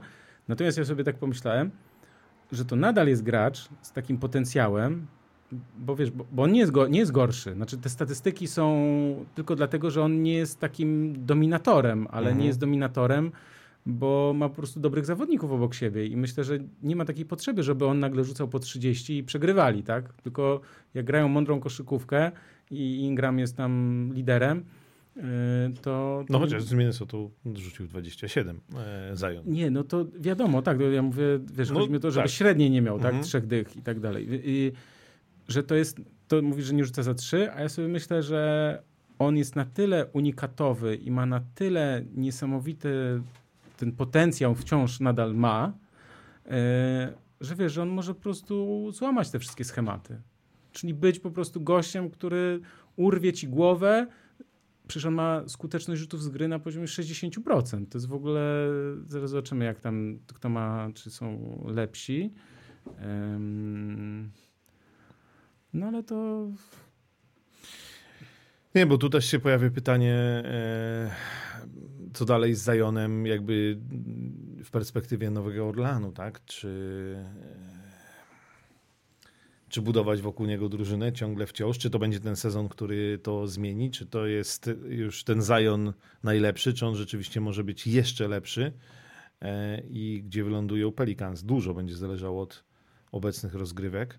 A co do tej pierwszej piątki Nowego Orlanu, to rzeczywiście, no bo tam Chociażby, nie wiem, Alvarado gra dużo. No nie wiem, musimy chyba... pamiętać o jednej rzeczy. To jest zespół, to jest cały czas ten sam zespół, który rok temu, 2 stycznia, zajmował pierwsze miejsce na zachodzie. Potem się posypał, bo miał problemy, tam były zdrowotne, kontuzje i tak dalej, i tak dalej. Natomiast jakby to jest cały czas ten sam zespół. Więc jakby ja bym tu też ich nie skazywał, broń Boże, na to, że oni mogą być... Yy znaczy, że, że nie wiem, że to zaskoczenie jest i tak dalej. Ja nie jestem zaskoczony tym, że, że oni zaczęli wygrywać. Yy, tylko wiesz, yy, jest takie, taki problem, że oni mają najbliższy mecz, bo a, to też chcę powiedzieć, to będzie okazja do tego, żeby teraz ten styczeń będzie momentem przełomowym dla wielu drużyn, dlatego że wiele zespołów miało, nazwijmy to, sympatyczny, korzystny terminarz dla siebie. Mhm. I w styczniu, no tak się dzieje, nie, znaczy w, e, wiele zespołów, nie wszyscy ma, da, mają tak, że mają trudny terminarz na początku. Wiele zespołów ten terminarz im się tak dobrze poukładał. Natomiast teraz na przykład, jak przeczytasz e, sobie terminarz e, Pelicans, to oni grają u siebie z Clippers i teraz uważaj, na wyjazdach z Sacramento, Golden State, Denver, Dallas, Dallas. Czyli mają raz, dwa, trzy, cztery, pięć, sześć meczów z bardzo mocnymi drużynami. Warriors nadal zawsze uważam, że są mocni, trudni do grania, zwłaszcza na wyjeździe. Więc yy, to jest też dla nich sprawdzian. Nie? W sensie, I też jak spojrzymy na, na inne drużyny, yy, bo to jest naprawdę ważne, bo yy, jak mamy mówić na przykład, nie wiem, o Oklahoma City, to też ten terminarz dla nich jest y, no, niełatwy, bo grają na wyjazdach, potem mają kolejną serię wyjazdową, więc naprawdę warto też zwrócić na to uwagę, co tam się będzie działo w danej drużynie. Na przykład Boston, wiem, że tak skaczę po tych drużynach, ale chodzi mi o ten terminarz. Na przykład Boston można myślę, że powiedzieć, że na swój sposób przetrwał tę serię e, wyjazdową, e, bo miał taką serię, że grali w Golden State, przegrali i potem mieli Sacramento, Clippers, Lakers na wyjazdach i wygrali. Nie? To jest jakby nie jakaś super długa ta seria, ale jednak wiesz, od, od tam 19 czy 18 grudnia do wiesz, przez ponad tydzień grali. Nie? Więc jakby naprawdę warto na to zwrócić uwagę, bo, bo to jest rzecz ważna dla tego, co się będzie działo za chwilę w tabeli. Dobra, e, bo jest 15 po 22. E, musimy wybrać jakieś drużyny. Ja powiem tak, jednym zdaniem, bo o no. Bostonie zawsze dużo mówimy, więc powiem e, mój kandydat do mistrzostwa jeszcze bardziej. Boston mhm. Celtics w pełnym ty, zdrowiu są, są drużyną absolutnie w tym momencie najlepszą w lidze. Zresztą, jak mówiliśmy o Indianie i Milwaukee, e, no to Boston jest ciągle najbardziej zbilansowany. Drugi, jeśli chodzi o najlepszy atak, czwarty, jeśli chodzi o najlepszą obronę. E, pozdrawiam serdecznie, jest wspaniale e, i, i ja się trzymam wersji na razie dosyć optymistycznie, że Boston będzie mistrzem w tym sezonie. Oklahoma City Thunder zły przykład z minionej nocy, bo akurat przegrali po też strzelaninie z Atlanta Hawks 138 No tak, ale grali dzień po dniu. To się, to się zdarza, grali u siebie z Bostonem i potem, wiesz, lecisz w nocy do Atlanty, a ten mecz z Bostonem ich kosztował naprawdę dużo, dużo zdrowia. Ja powiem tak, bo gdzieś tam sobie zerknąłem na, mm, na Thunder, oni grali z Minnesotą, e, teraz ten z Bostonem, e, o jeszcze oglądałem mecz e, z Denver. To jest drużyna, żeby też nie lać wody, żeby nie gadać głupot. Słuchajcie, to jest drużyna, która jest kompletna, jeśli chodzi o zawodników, którzy spełniają swoją jakąś tam ważną rolę. W sensie każdy zna swoje miejsce na boisku, to jest bardzo ważne. Gilgius Aleksander jest abso absolutnym liderem. Absolutnym. W sensie takim, że po prostu jego grę się tak przyjemnie ogląda. Wiesz, no połączenie, ja już nie chcę nawiązywać i mówić jakieś górnolotnie w sensie i tak dalej, ale on trochę przypomina wiesz, raz Kobiego i, albo Jordana w tych takich swoich wiesz, rzutach po piwocie, albo w takich właśnie e, wejściach i, i zatrzymaniu i, i rzutach. E, znakomita skuteczność oczywiście jego, bo on wiesz, 90% e, z osobistych, ponad 50%, 55% z rzutów z gry, 31 punktów średnia, ale to jest nic, dlatego że jak jego nie ma na boisku, na, bo każdy gdzieś tam chwilę odpoczywa, to jest zawodnik, który się nazywa Jalen Williams. To jest taki gracz, ten co wychodzi w pierwszej piątce, chyba z numerem 8, jeśli nie, dobrze pamiętam.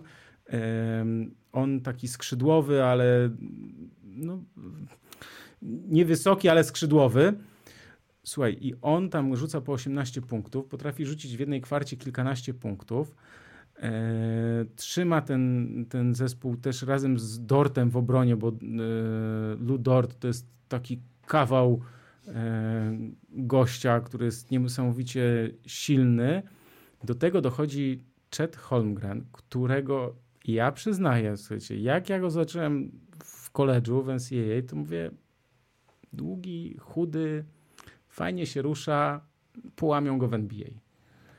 Tymczasem ten gość wychodzi w meczu z Denver przeciwko Jokiciowi, wali mu trzy truje chyba, wiesz, w pierwszych minutach in your face i po prostu jest zero, zero, zero bojenia, jak mawiał mój Rookie kuzyn. of the year no, będzie. Wiesz, no, bardzo, bardzo możliwe. Do tego jest Josh Giddy, którego ja strasznie lubię, w sensie lubię jego, nazwijmy to, styl grania, bo to, co tam poza boiskiem się dzieje, to już nie będziemy tego komentować. Natomiast yy, tam są też, wiesz, inni zawodnicy, zmiennicy, którzy po prostu jak wchodzą, to dają bardzo dużo tej drużynie tego, czego ona potrzebuje w danej chwili, bo czasem o sile jakiejś drużyny stanowić, stanowią zmiennicy, którzy w tym momencie, kiedy liderzy odpoczywają, y, zdobywają punkty, że ta drużyna nie, nie idzie w dół, tylko oni są w stanie ich utrzymać, e, wiesz, na tym poziomie, na, na, na tym cały czas na tych samych obrotach. I yy, kończąc już, Oklahoma City Thunder jest bardzo mocnym zespołem, który nikogo się nie boi, kontroluje przebieg grań. W meczu z Denver Nuggets nie mieli nic do powiedzenia. Przez minutę nawet. W sensie takim, że oczywiście, że były tam różne zrywy i tak dalej, natomiast oglądasz mecz i widzisz, kto, kto, jest, kto dominuje, kto jakby narzuca styl grania, kto ma łatwość zdobywania punktów, a kto się męczy. Bo tak jak na przykład z Bostonem, Bostonowi wpadły jakieś rzuty takie z dystansu w ostatnich akcjach, ok, w ostatnich minutach, które dały im nadzieję, że jeszcze ten mecz był zacięty w końcówce. Tam Derek White trafił z rogu, yy, Porzingis co prawda nadepnął na linię, ale też gdzieś tam z rogu Porzingis bardzo dobry mecz rozegrał, ok. Ale Tatum i Brown strasznie się męczyli. I taka dygresja odnośnie Celtics jest taka, że oni się ogólnie w końcówkach potrafią męczyć. I to jest też jakby na minus, dlatego ja nie mówię, że oni wygrają na pewno i tak dalej, bo oni mi przypominają właśnie tych Celtics z poprzedniego sezonu, kiedy są ważne mecze w, w, końcówkach i znaczy w końcówki ważnych meczów i trzeba grać izolację i Tatum z Brownem się męczą. To znaczy męczą, czyli grają takie wymuszone akcje, nie mają łatwości zdobywania punktów i tak dalej. Natomiast w Oklahoma City Thunder wow, to znaczy, to jest zespół, który dzisiaj wygląda na bardzo mocną ekipę, co nie znaczy, od razu, od razu podkreślam, że to nie znaczy, że oni, wiesz, ja już ich tam typuję na nie wiadomo co, bo playoffy to jest zupełnie inna zabawa. Doświadczenie odgrywa ogromną rolę. Jakby tu oczywiście, że wiele się jeszcze może wydarzyć, natomiast dzisiaj to jest bardzo dobry zespół, bardzo mocny w, na każdej pozycji, nie ma słabych stron. Natomiast to, co jest najciekawsze w tym wszystkim, to to, czy sam Presti, czyli ten y, generalny menedżer, który wiemy, że tam ma 3272 wybory w drafcie, bo oddając wszystkich innych zawodników y, Westbrooka, y, Paula Georgia, no wszystkich, w sensie zawsze brał piki w drafcie i nawet brał takie, jeszcze kilka lat temu brał tam wiesz, gdzieś tam, e, no jeszcze za Hardena transfer, żartuję, ale wiesz, że chodzi mi o to, że, że, że przy okazji każdego transferu on przede wszystkim nastawiał się na te wybory w drafcie, po, po, czym się okazało, znaczy okazuje, że on ma po prostu tych transferów, tych pików ma strasznie dużo i oczywiście, że on ich nie wykorzysta. Takich, że nie wybierze sobie zawodników, no bo nie możesz mieć yy, nie wiadomo ilu zawodników, ale pytanie jest dzisiaj takie, i to jest dla mnie też bardzo ciekawe, czy oni już widzą, że Thunder są w tym właśnie dobrym, świetnym momencie, w którym powinni iść na całość, czyli próbować na przykład kogoś jeszcze dokoptować, czyli pozyskać w zamian za te wybory w drafcie, czy jednak pozostaną przy tym, w tym składzie, bo jeszcze jest y, ważna rzecz y, odnośnie tego, co zawsze mówimy, co jest bardzo ważne, to to, że kwestia kontraktów, bo nie możesz, znaczy będzie bardzo trudno, żeby mm, zachować obecny skład bo ktoś będzie musiał z tego, z tego składu odejść, to znaczy z tych zawodników, którzy teoretycznie mogą podpisać za chwilę duży kontrakt i tym graczem jest Josh Giddy, który teraz ma 6,5, za rok ma 8,3 miliona dolarów i to jest ten moment, w którym musisz się już teraz zacząć zastanawiać, czy oddawać go, czy próbować mu zaproponować jaką, jakieś pieniądze, ale wydaje mi się, że to będzie jakby niemożliwe do udźwignięcia dla tej drużyny. Więc oni mogą na przykład próbować oddać Josha Gidiego za kogoś, kto by ten zespół wzmocnił już teraz, ale równie dobrze mogą pozostać bez, znaczy pozostać bez transferu. Ogólnie rzecz biorąc, podsumowując, polecam. Mi się wydaje, że obok Minnesoty na dzień dzisiejszy Thunder są rewelacją sezonu i strasznie przyjemnie się ich ogląda. E, no, dla mnie Shea wyrasta na naprawdę wielką gwiazdę NBA i, i za 2-3 lata to on będzie razem z Edwardsem tutaj, wiesz, i Donciciem, e, no największymi gwiazdami, tak, no bo jak już Swoją drogą to e, ciekawe, bo ja jakby zupełnie tego nie, nie pamiętałem, bo Jakbyś mnie zapytał, e, gdzie grał Szaj, to bym powiedział, że od początku kariery w A, nie będziesz? No to, to powiedz. A, bo... a przecież, e, przecież on przyszedł w tym transferze za Pola George'a, tak. E, który był pierwszy kto sezon... wyszedł lepiej? Pierwszy sezon spędził kto w Clippers. lepiej? Szaj, więc no tak, zobaczy, zobaczymy. Jeszcze, jeszcze, jeszcze ten sezon jest ze znakiem zapytania, w znaczeniu, że to jeszcze, jeszcze jest sezon, w którym Clippers chyba po raz ostatni mogą się uratować Natomiast ja tylko jedno już tu zdanie dodam. Y, dla mnie bo Minnesota jest w tej chwili pierwsza na zachodzie, Oklahoma druga. Y, mimo wszystko wydaje mi się, czasami patrząc na mecze e, Minnesoty e, i podziwiając Edwardsa i nawet to, że udało się e, Rudiego Goberta zaprzęgnąć do współpracy z Karlem Antonym Townsem i rzeczywiście to wygląda świetnie, że Oklahoma jest mniej, nazwałbym to chybotliwa. Znaczy Minnesota stoi na obronie, E, i ta defensywa jest najlepsza w lidze w tej chwili. Natomiast, natomiast Minnesota ma jednak problemy z atakiem i jest taką drużyną bardziej przewidywalną. Oklahoma ma bardzo dobry atak, bodajże piąty w tym momencie.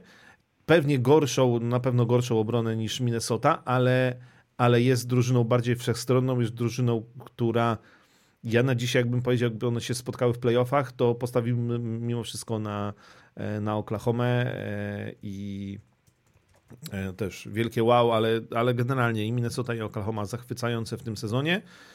A jak wspomnieliśmy o Clippers, to chciałem powiedzieć, że... Poczekaj, a ja tylko powiem no. o Minnesocie, żebyśmy no, no, no, znowu skaczemy. To tylko, bo ja gdzieś tam też właśnie oglądałem i, i też sobie analizowałem, myślałem o tym. Y, Minnesota ma problem w meczach z wysokim wynikiem, bo oni nie mają takiej siły rażenia. Zwróć uwagę, że oni opierają się na, y, no wiadomo, na Townsie i na Edwardsie, natomiast tam potem kolejni zawodnicy to jest tylko 12, 12 Gobert. Szczególnie, że Towns Reed. też potrafi być e, nierówny albo wylecieć za faule, albo mieć problemy z przewinieniami i nagle się okazuje, tak, Minnesota ma. E, generalnie, no tak, tak, no, no najbardziej to widać w takich meczach właśnie z wysokim wynikiem, problemy w ataku. Co nie jest złym prognostykiem przed playoffami. Bo przypomnijmy, że przecież, e, poczekaj, bo w zeszłym roku e, Minnesota nie grała w playoff, przegrała z, nie, poczekaj, jak to było? Przegrali z Lakers, ale potem grali z Denver, tak? No. No.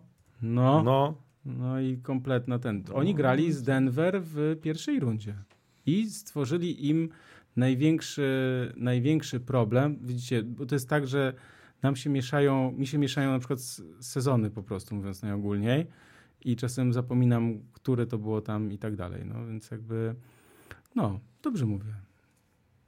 Dobrze mówiłem i, bo nie pamiętam, czy to było w tym, ro, w tym roku, czy w poprzednim, ale y, w poprzednim było przecież Minnesota grała z Memphis chyba, właśnie to tak jest, jak się z głowy gada.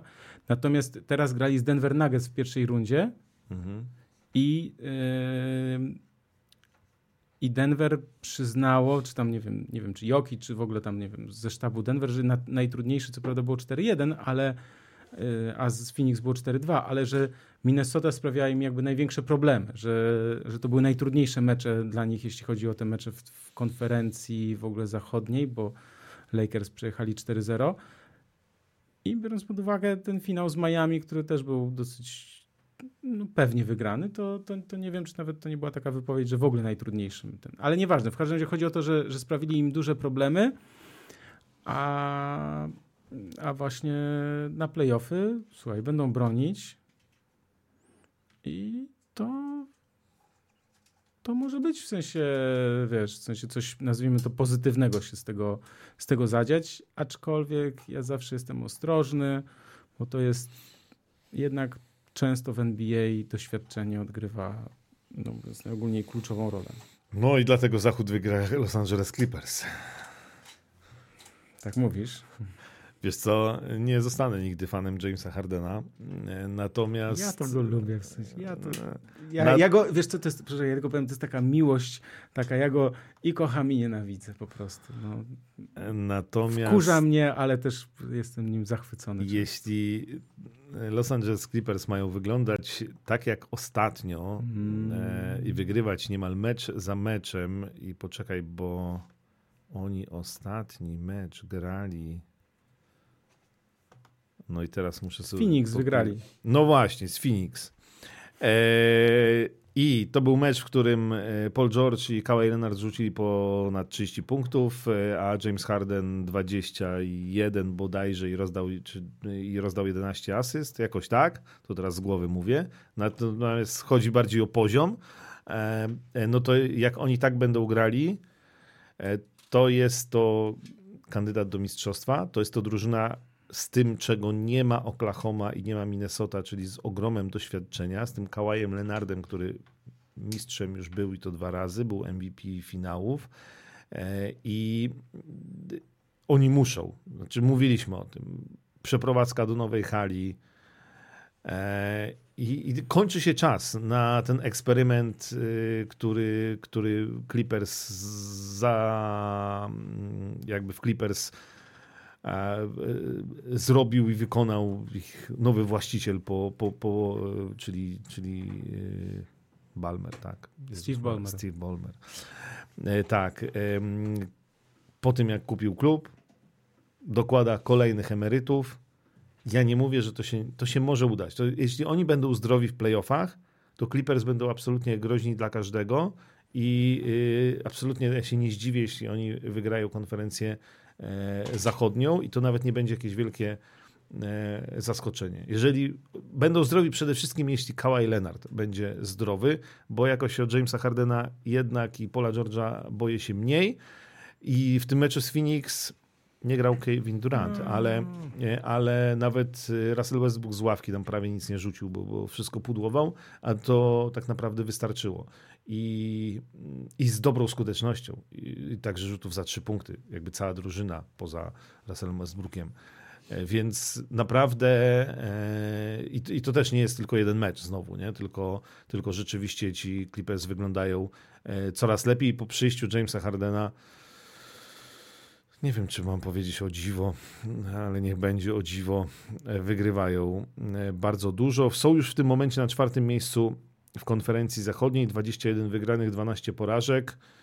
Już niedużo brakuje do Denver Nuggets, ale myślę, że ta pierwsza czwórka to jest rzecz jak najbardziej w ich zasięgu.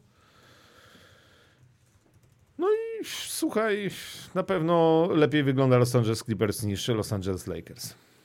To zdecydowanie, bo to jeszcze o Lakers musimy powiedzieć. Ja wrzucam teraz na czat y, taką informację, bo jest y, bardzo dobra promocja w oficjalnym sklepie Nike. Y, więc zachęcam do sprawdzenia. Oczywiście, jak ktoś nas lubi, to kliknijcie po prostu przez ProBasket, bo my wtedy mamy taką y, no, prowizję od tego, co kupicie, więc jakby nam y, też pomagacie po prostu rozwijać się, y, nagrywać podcasty, bo to wiadomo, że też i czas, i też są koszty, więc po prostu mówię, jest nowa promocja w oficjalnym sklepie Nike. Y, sprawdźcie proszę też to przez ten link. Banery są, news jest też tam z wyjaśnieniem i tak dalej. Y, no jest sporo rzeczy, jest sporo fajnych rzeczy. Y, Nike zawsze zaskakiwało nas po świętach, a w tym roku zrobili taki myk, że po świętach nie było promocji, a zrobili właśnie po nowym roku, więc zachęcam do sprawdzenia tej e, promocji w oficjalnym sklepie Nike. Jest na czacie. E, o Lakers, o Lakers i kończymy, w sensie tak. mówimy TT. No to proszę, pan coś powie o Lakers? W Lakers nie? podobno e, pojawiają się plotki, że Darwin Ham, czyli trener drużyny jest na wylocie, bo atmosfera w szatni jest nieciekawa. Dla mnie Lakers są trochę taką drużyną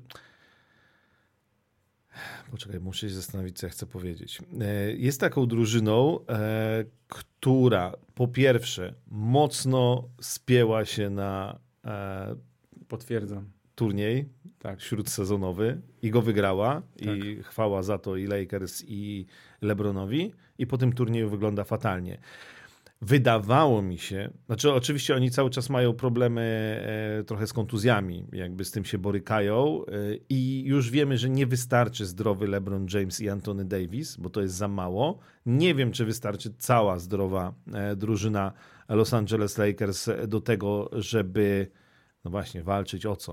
O mistrzostwo? No nawet nie, nie za bardzo, o playoffy, to, to może. Natomiast no wiemy, że przede wszystkim przede wszystkim e, mm, muszą być zdrowi.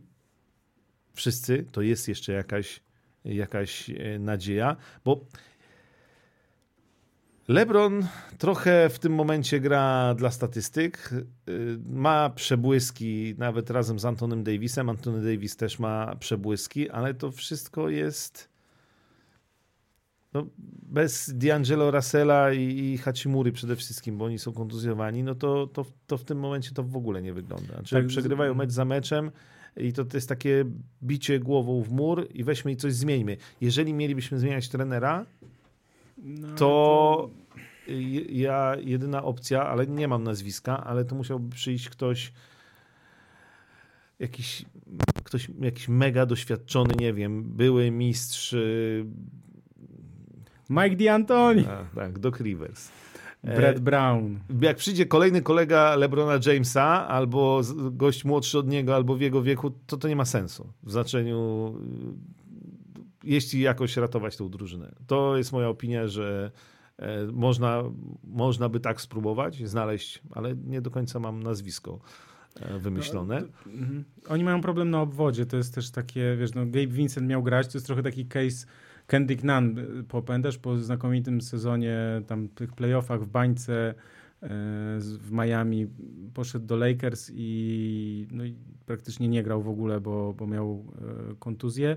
Teraz Gabe Vincent, ten sam case, ten sam przypadek.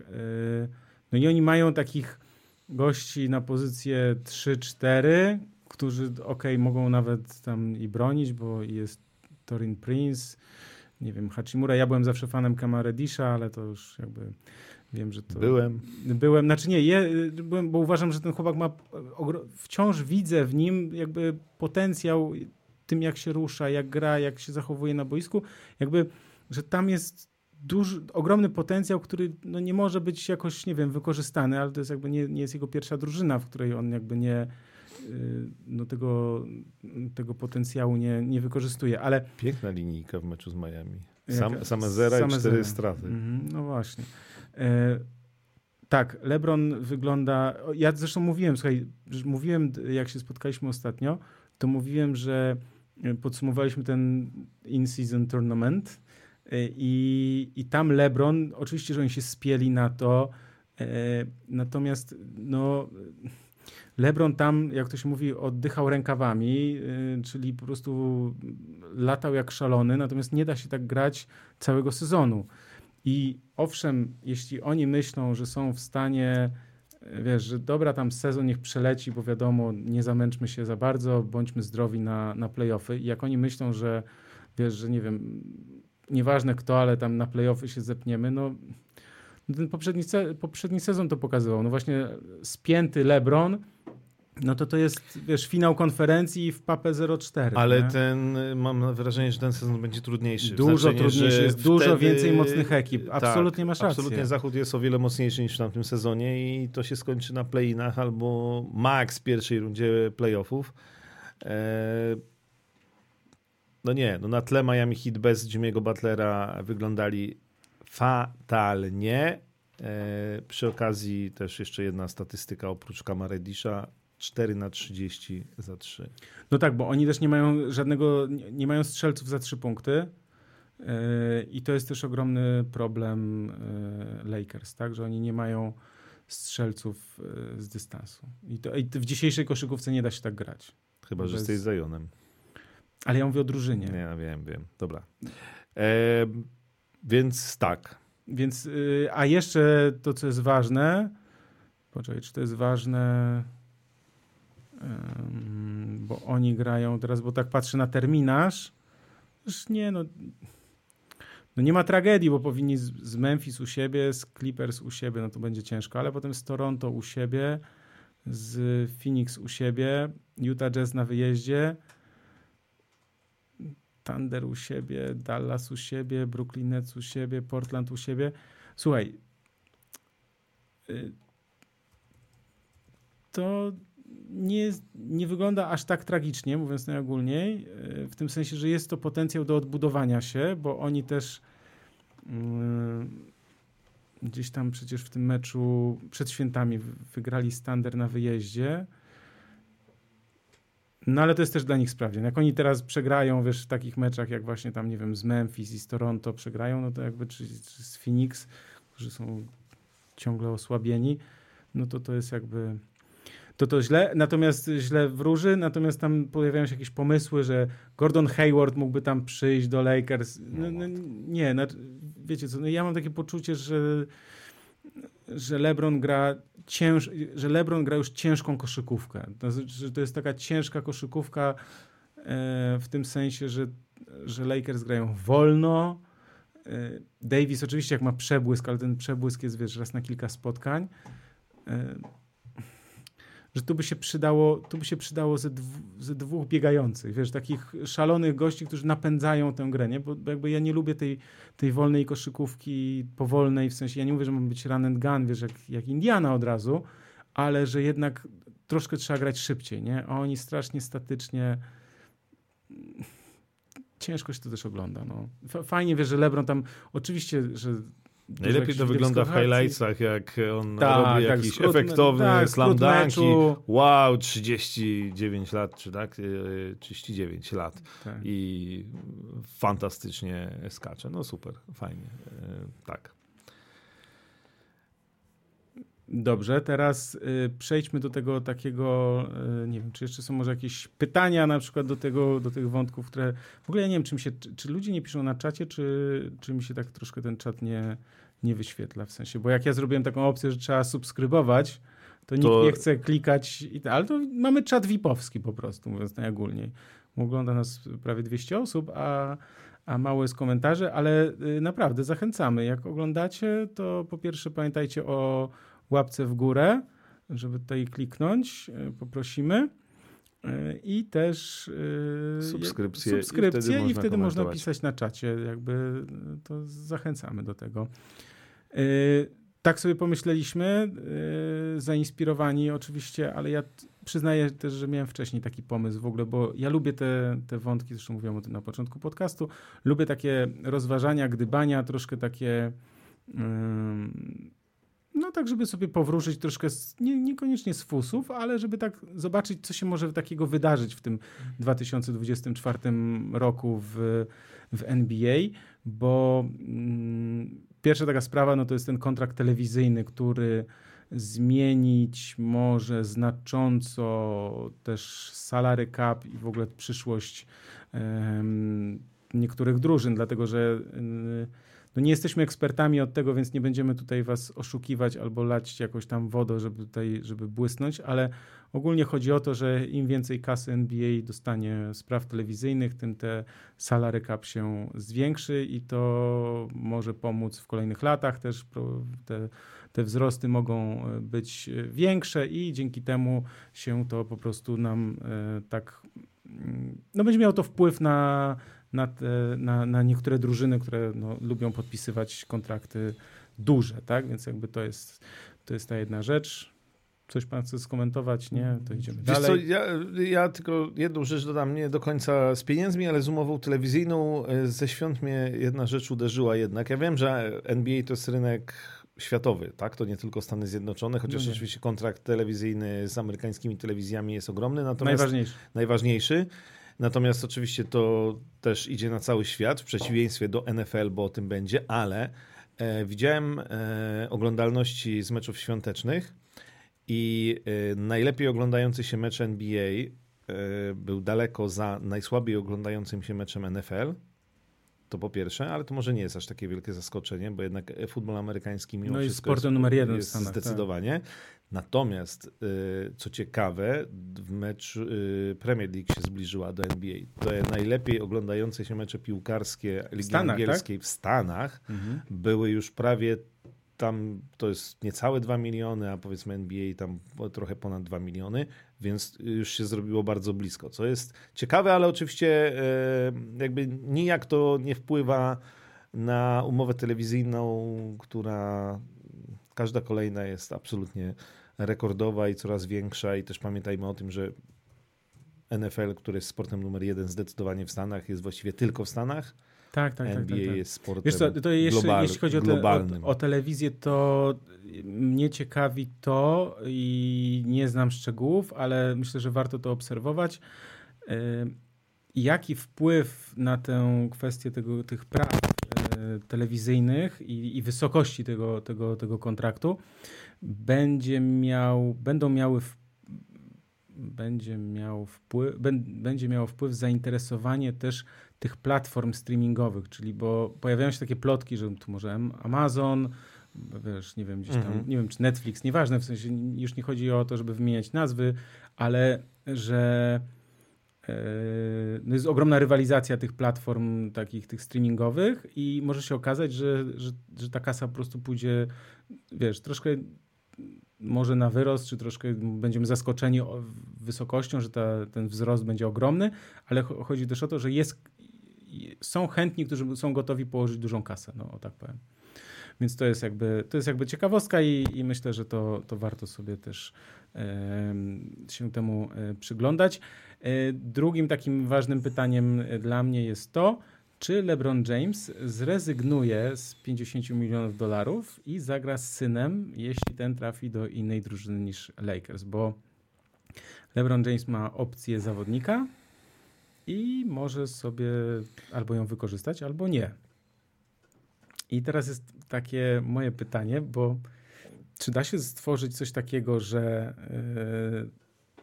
yy, yy, Bronny James idzie do Lakers? No nie da się tego zrobić, bo no co, on się dogada z innymi drużynami, że z 20 którymś numerem, czy tam nie wiem, no Pierwsze nie. pytanie jest takie, czy on w ogóle trafi e, do NBA. Trafi ale, na pewno. Ale zakładając, że trafi i zostanie, e, ja tego nie, nie, widzę też logistycznie. W znaczeniu z drugiej strony trafia gdzieś tam do jakiegoś klubu i co?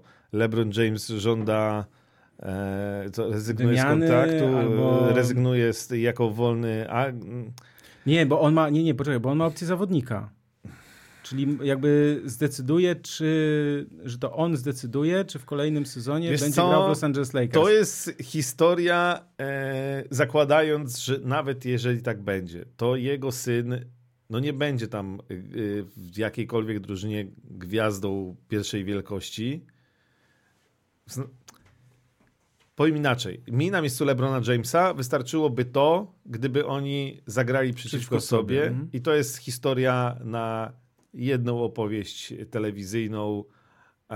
LeBron wiesz, to, że oni zagrają, co przez cały sezon nie, będzie, nie będą się media interesować tym, że LeBron tłucze w jakiejś tam słabej drużynie, a jego syn siedzi na ławce na przykład. No, mimo wszystko, z całym szacunkiem do wielkości LeBrona Jamesa, e, mam wrażenie, że, że Brony chyba nie będzie, na, raczej na pewno nie będzie aż y, taką gwiazdą tej miary, co jego ojciec tak to zazwyczaj jest, że ktoś z rodziny, nawet jak się rzadko się zdarza, żeby ojciec i syn grali powiedzmy na podobnym e, poziomie.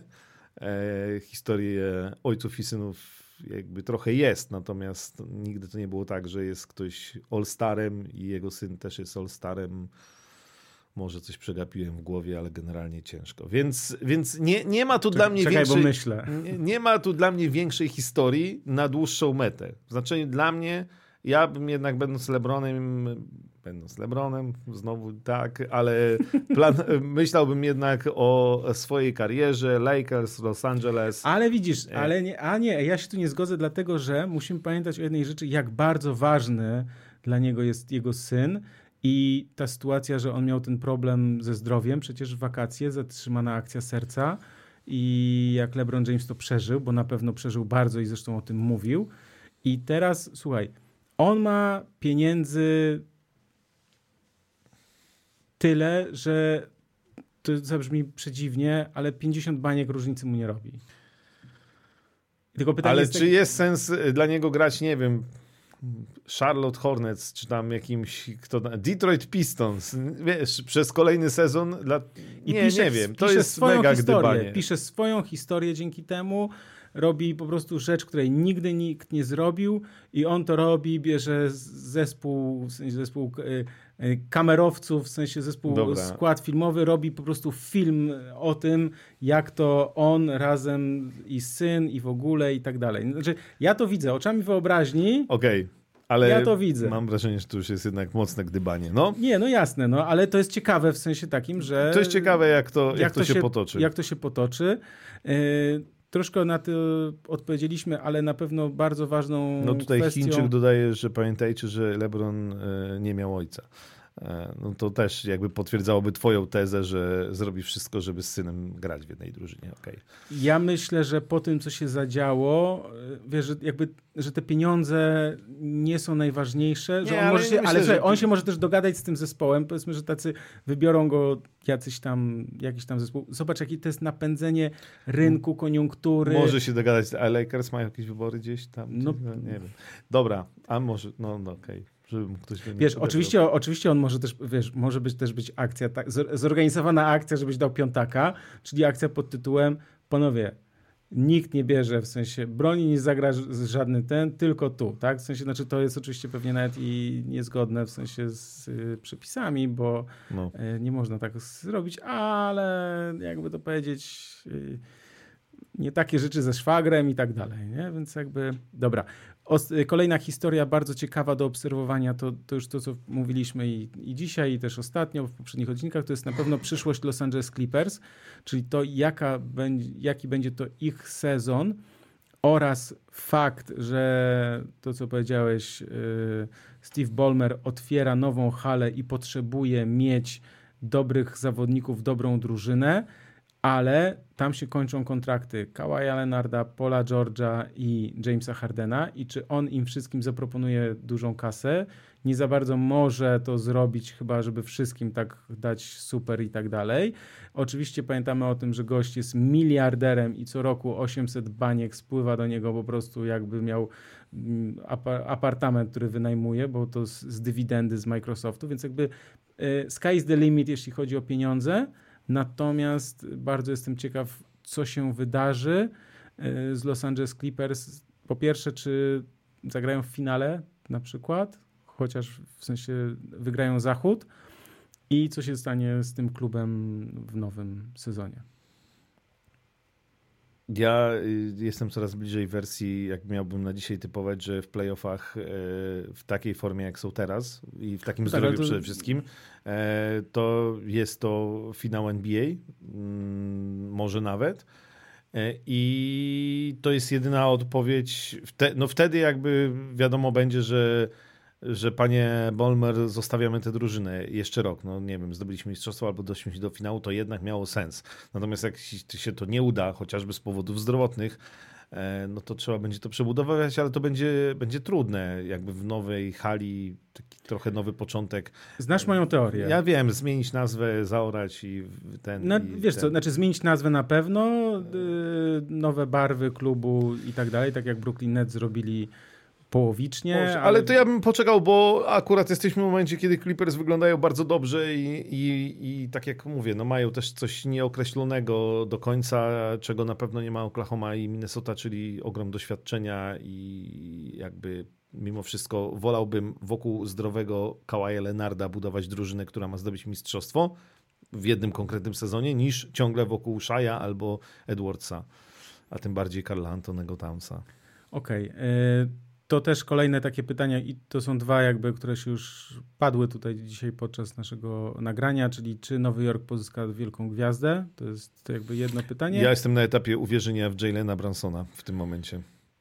Okej, okay, ale ja, na, a ja nadal uważam, że oni są tak zwane jedno brakujące ogniwo, tudzież jeden brakujący element od tej układanki, żeby być bardzo mocną ekipą, bo dziś z tym składem wydaje mi się, że są mocną ekipą po prostu to to. I no i oczywiście co się stanie z OKC, czyli to, co też powiedziałem już, czyli Gidi, kontrakt i Shai, czy będzie tutaj, e, czy już w tym sezonie e, błysną i zajdą daleko w playoffach, czy, czy nie. Bardzo ważne moim zdaniem pytanie, to, to mm -hmm. już mm -hmm. może i lećmy dalej. Bardzo ważne pytanie moim zdaniem jest też to, czy Celtics wygrają mistrzostwo. Ty mówisz, że mają na to bardzo duże szanse, ale ja uważam, że jeśli ten zespół nie wejdzie do finału, to ten zespół się rozpadnie. E, no, trochę to jest z innych zupełnie powodów, ale podobny, podobna sytuacja jak e, Clippers. Dokładnie. W znaczeniu to jest drużyna, która w tym sezonie musi odnieść sukces. Tak. No i koniec. Przy czym w tym momencie Clippers też wyglądają dobrze. Celtics wyglądają od początku sezonu bardzo dobrze. Wydaje się, że tam jest wszystko poukładane, że też było łatwiej to, no jakby też te zmiany były mimo wszystko trochę drastyczne, ale Porzingis gra najlepszą koszykówkę w swoim życiu i jest zdrowy jak na razie. Więc e, to jest dla mnie to, co się najbardziej martwiłem. E, zawsze możemy szukać jakichś tam dziur i znajdziemy jej w Clippers i w Bostonie. Natomiast ja jestem, jestem spokojny. Znaczy, jak na dzisiaj ja Boston Celtics w finale od początku stawiałem i stawiałem na mistrzostwo, więc tu się trzymam tej wersji. Clippers na ten moment wyglądają bardzo dobrze. Chociaż trzeba też pamiętać, że każdy nowy mistrz, nowa gwiazda kiedyś, i nie wiem, mogę tu powiedzieć teraz o e, albo Shaju, albo Edwardsie, kiedyś jest ten sezon, w którym e, z zawodnika, czy tam z drużyny bez doświadczenia stajesz się e, tą drużyną, która zdobywa mistrzostwo albo dochodzi do finału i, i już jest w kolejnych sezonach e, fenomenalna, abstrahując już zupełnie od tematów finansowych w przypadku Oklahomy na przykład. Więc na pewno playoffy, do których jeszcze trochę zostało, będą mega ciekawe, bo w porównaniu z poprzednim sezonem jest dużo więcej drużyn bardzo, bardzo mocnych, tak naprawdę myślących o zdobyciu mistrzostwa. Realnie. Tak, przepraszam, zgadzam się i jestem bardzo ciekaw właśnie, co się zadzieje Celtics. Bardzo ważną też kwestią y, jest to, że chyba w tym roku zobaczymy koniec dynastii Golden State Warriors. I to jest oczywiście smutna taka trochę z sentymentu, bo przecież przez ostatnie 10 lat to była no, tam z małymi przerwami, ale no, jedna z najlepszych drużyn, czy najlepsza, jeśli chodzi o ostatnie, ostatnie lata. Y, ta dynastia, oczywiście mówimy Clay, Steph, Draymond Green i Steve Kerr.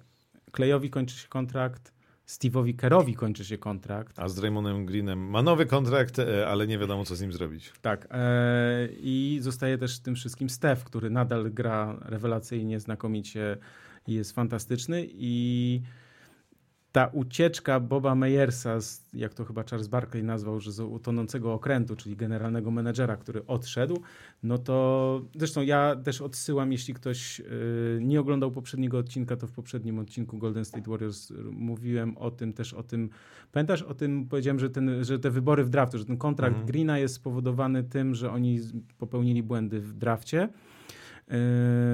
Wybierając Wisemana na przykład, a i wybierając Kumingę, a nie Franza Wagnera.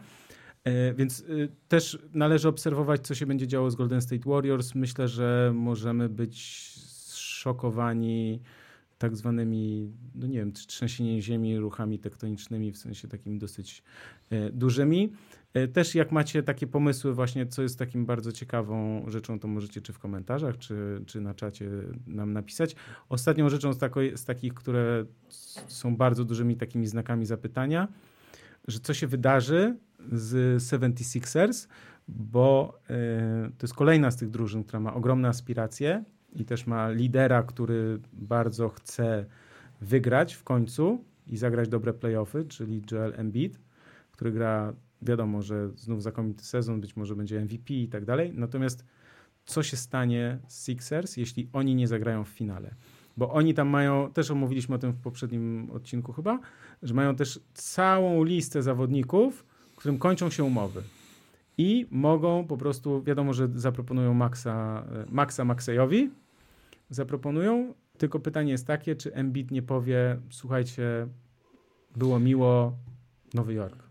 Mam wrażenie, że Maxi bez Embida nie ma sensu. E, to po pierwsze. Po drugie, z jednej strony Filadelfia jest drugą obok Bostonu najlepiej zbilansowaną drużyną, jeśli chodzi o ten poziom atak-obrona. Natomiast ja Filadelfię tak mówiąc w skrócie, bo e, przypominam, że jeszcze pierwsze piątki musimy wygłosić. No tak, tak, ja wiem. No spokojnie. Ale realizator nam wybaczy te trzy minutki. E, więc... ja w Filadelfii od początku sezonu nie wierzyłem. Nie wierzę w to, że mm, e, Embiid jest w stanie poprowadzić tę drużynę do mistrzostwa i moim zdaniem e, mm, Joel Embiid zmieni klub po tym sezonie. Uuu, aż tak? Aż Zapisujmy tak. to. Słuchaj, to się, na 22, to się nie uda. W Filadelfii nie, nie, nie, nie, nie. Ja tego nie widzę. No to, to jestem ciekaw, bo jeśli mówimy, o, wyobraź sobie taki scenariusz, znaczy ja widzę oczami wyobraźni, jak tutaj się spotykamy 4 lipca. I Filadelfia jest mistrzem. Nie, i mamy transfer y, Embida do Nowego Jorku. Hmm? No, hmm? nie, może tak być, no. W domu sobie policzysz, dużo ci wyjdzie, no. Także tak. No i to jest, yy, to koniec takich moich na szybko tutaj pytań, które ja sobie życzył, zainspirowany oczywiście też yy, taką dyskusją w podcaście Briana Windhorsta właśnie o tym, co powinniśmy, na co powinniśmy yy, zwrócić uwagę i na co, na co czekać. A i jeszcze myślę, że do tego grona, wiesz co, do, teraz o tym pomyślałem, czy do tego grona nie powinniśmy jednak też dołączyć Luki Doncicia? Z czym? Z tym, że jak Dallas znowu w papę, nie. to ale, on powie nie, to nie ten sayonara. Nie, nie, bo ja o bo minęliśmy Dallas przy omawianiu, bo chciałem w pierwszy, przy okazji wyboru pierwszych piątek powiedzieć, A. to jest ten sezon. Uuu. To jest ten sezon. Ale wiesz, że Grant Williams tam ma jakiś ja minus wiem. tysiąc. Jak gra, to jest To jest ten nieobecny. sezon. Nie, Luka Doncic jest e, w najlepszej formie e, w, do tej pory, jak gra w NBA. Mhm. E, Kyrie Irving mm, musi grać, jest spoko. No, no, wrócił, po tam kontuzję pięty miał czy coś tam i ten, ale wrócił. Nie, nie, no nie wierzę w to, że Dallas e, z tym składem zdobędą mistrzostwo, natomiast to nie będzie totalna porażka Dallas Mavericks. E, I powiem szczerze, ja kilka razy już w życiu mówiłem, że Luka Doncic przed sezonem e, będzie kandydatem do MVP. To teraz jakby to Dallas jeszcze trochę powygrywało więcej, to wracamy do tematu. Znaczy Luka Doncic w tym sezonie jest genialny. Absolutnie. Znaczy to, że on jest genialny, to my wiemy, jakby to nie, to nie, Ale nie ma dyskusji. e, No. też dzięki temu, że na przykład trochę lepiej broni, trochę więcej, trochę bardziej się angażuje w obronę, trochę mniej dyskutuje z sędziami, to też zyskuje drużyna i to Dallas nie jest takie złe z tym Kyrie Livingiem. I ja bym powiedział, że oni to jeszcze... Jak miałbym stawiać na jakieś takie Ja liczę- trochę oczywiste niespodzianki, to powiedziałbym, że Dallas w playoffach to tam jeszcze na, nawywija Ja z liczę, teoretycznie ja liczę na taki pojedynek w drugiej rundzie na przykład, albo może być i w pierwszej, ale w drugiej będzie taki pachnący, jak to mawiał mój kolega, pachnący. Taki pojedynek Dallas Mavericks Los Angeles Clippers. Mm, tam to iskrzy. Uh, jest gorąco tam zawsze w tej rywalizacji tych drużyn. Yy, dobrze, ale ty chciałeś jeszcze... Yy, Odpalaj głosowanie na pierwsze piątki. Jesus, stary, to jest internet, ja nie ogarniam tego. No. To jest tutaj, mi każesz klikać, ja przecież nie wiem, ale gdzie? Nie no, żartuję. Ym...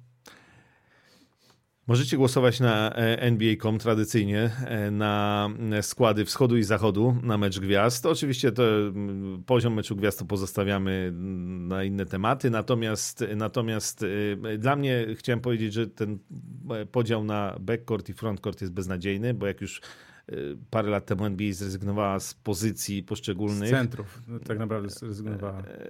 No tak, no ale jakby skrzydłowi centrzy są wrzuceni w jedno, a niby obwodowi w drugie, przy czym w dzisiejszej koszykówce to ja już bym po prostu zrobił, wybierzcie najlepszą piątkę wschodu i zachodu. Tak nie jest, możesz dwóch obwodowych i trzech tych nazwijmy to podkoszowych, e, co mi trochę utrudniło zadanie, nie ukrywam, bo troszeczkę by te piątki inaczej wyglądały, natomiast co piszesz? Wschód czy zachód? Stary, ja na razie robię notatki, kto tam gra w ogóle? Nie no, żartuję, wybieram, bo jest strasznie trudny wybór, No bo to za, zaczynasz no. od zachodu, to, ja, od to ja zachodu. powiem zachód. Tak. E, powiem, bo mam też pierwsze już jest, są pierwsze wyniki pierwsze, y, głosowania kibiców, takie te mm, cząstkowe e, z pierwszego okresu od startu głosowania. Ja na zachodzie postawiłem na, no właśnie, Lukę Doncicza, bo uważam, że gra wybitny sezon. Mhm. E, postawiłem na Antonego Edwardsa. E, To Prze- na, na, na rozgrywający. Tak, i przez to nie mogłem wziąć Szaja, Mhm. bo tylko dwóch mogę wziąć, więc to jest już na przykład problem, bo na przykład e, w podkoszowych to wziąłem Kawaja Lenarda, Szanuję. Natomiast bym go nie wziął, bo bym wziął Szaja jakbym mógł, ale dobra, jest Kawhi Leonard, no i wziąłem LeBrona Jamesa, bo musi być i Nikolaj Jokicia, bo musi być, chociaż patrzę na wyniki kibiców i na razie Jokic to tak... e, Bo Jokic nie jest ulubieńcem kibiców, wiesz. Pamiętaj, Nie, no. że to jest jakby... Natomiast y, kibice na razie zgadzają się ze mną co do Doncicza, bo on prowadzi na zachodzie. Mhm. E, Steph Curry jest drugi, Shai jest trzeci, James Harden jest czwarty, Irving jest piąty, a Anthony Edwards jest dopiero szósty. No to trochę pomogę głosikiem Antonemu Edwardsowi. Jamorant, ciekawy, jest siódmy, więc wysoko jakby po e, nie za dużej próbce meczowej. E, no i LeBron, Kevin Durant. O, Kevina Duranta nie wybrałem, jakby co. E, Nie, no to chyba wiadomo. Nikola Jokic, ale drugi jest w tej chwili Durant. Nikola Dobra, Jokic słuchaj, trzeci, powiedz czwarty. jeszcze Dobrze. raz pierwszą piątkę zachodu. Dobrze, ja jeszcze raz pierwsza piątka zachodu moja, czyli to jest Doncic, Edwards, Jokic, LeBron i Kawhi Leonard. Dobrze, moja jeśli chodzi o obwodowych to jest Shai oraz Edwards, no bo też nie mogę Stefa i Luki Mhm, wziąć. mhm. E, oprócz tego oczywiście e, wybieramy naszego ulubionego boomera, czyli LeBrona Jamesa, takiego jak my, i Nikola Jokic i No i tam nie, nie jest wcale wesoło na zachodzie, tak wiesz, w tym fr- frontkorcie.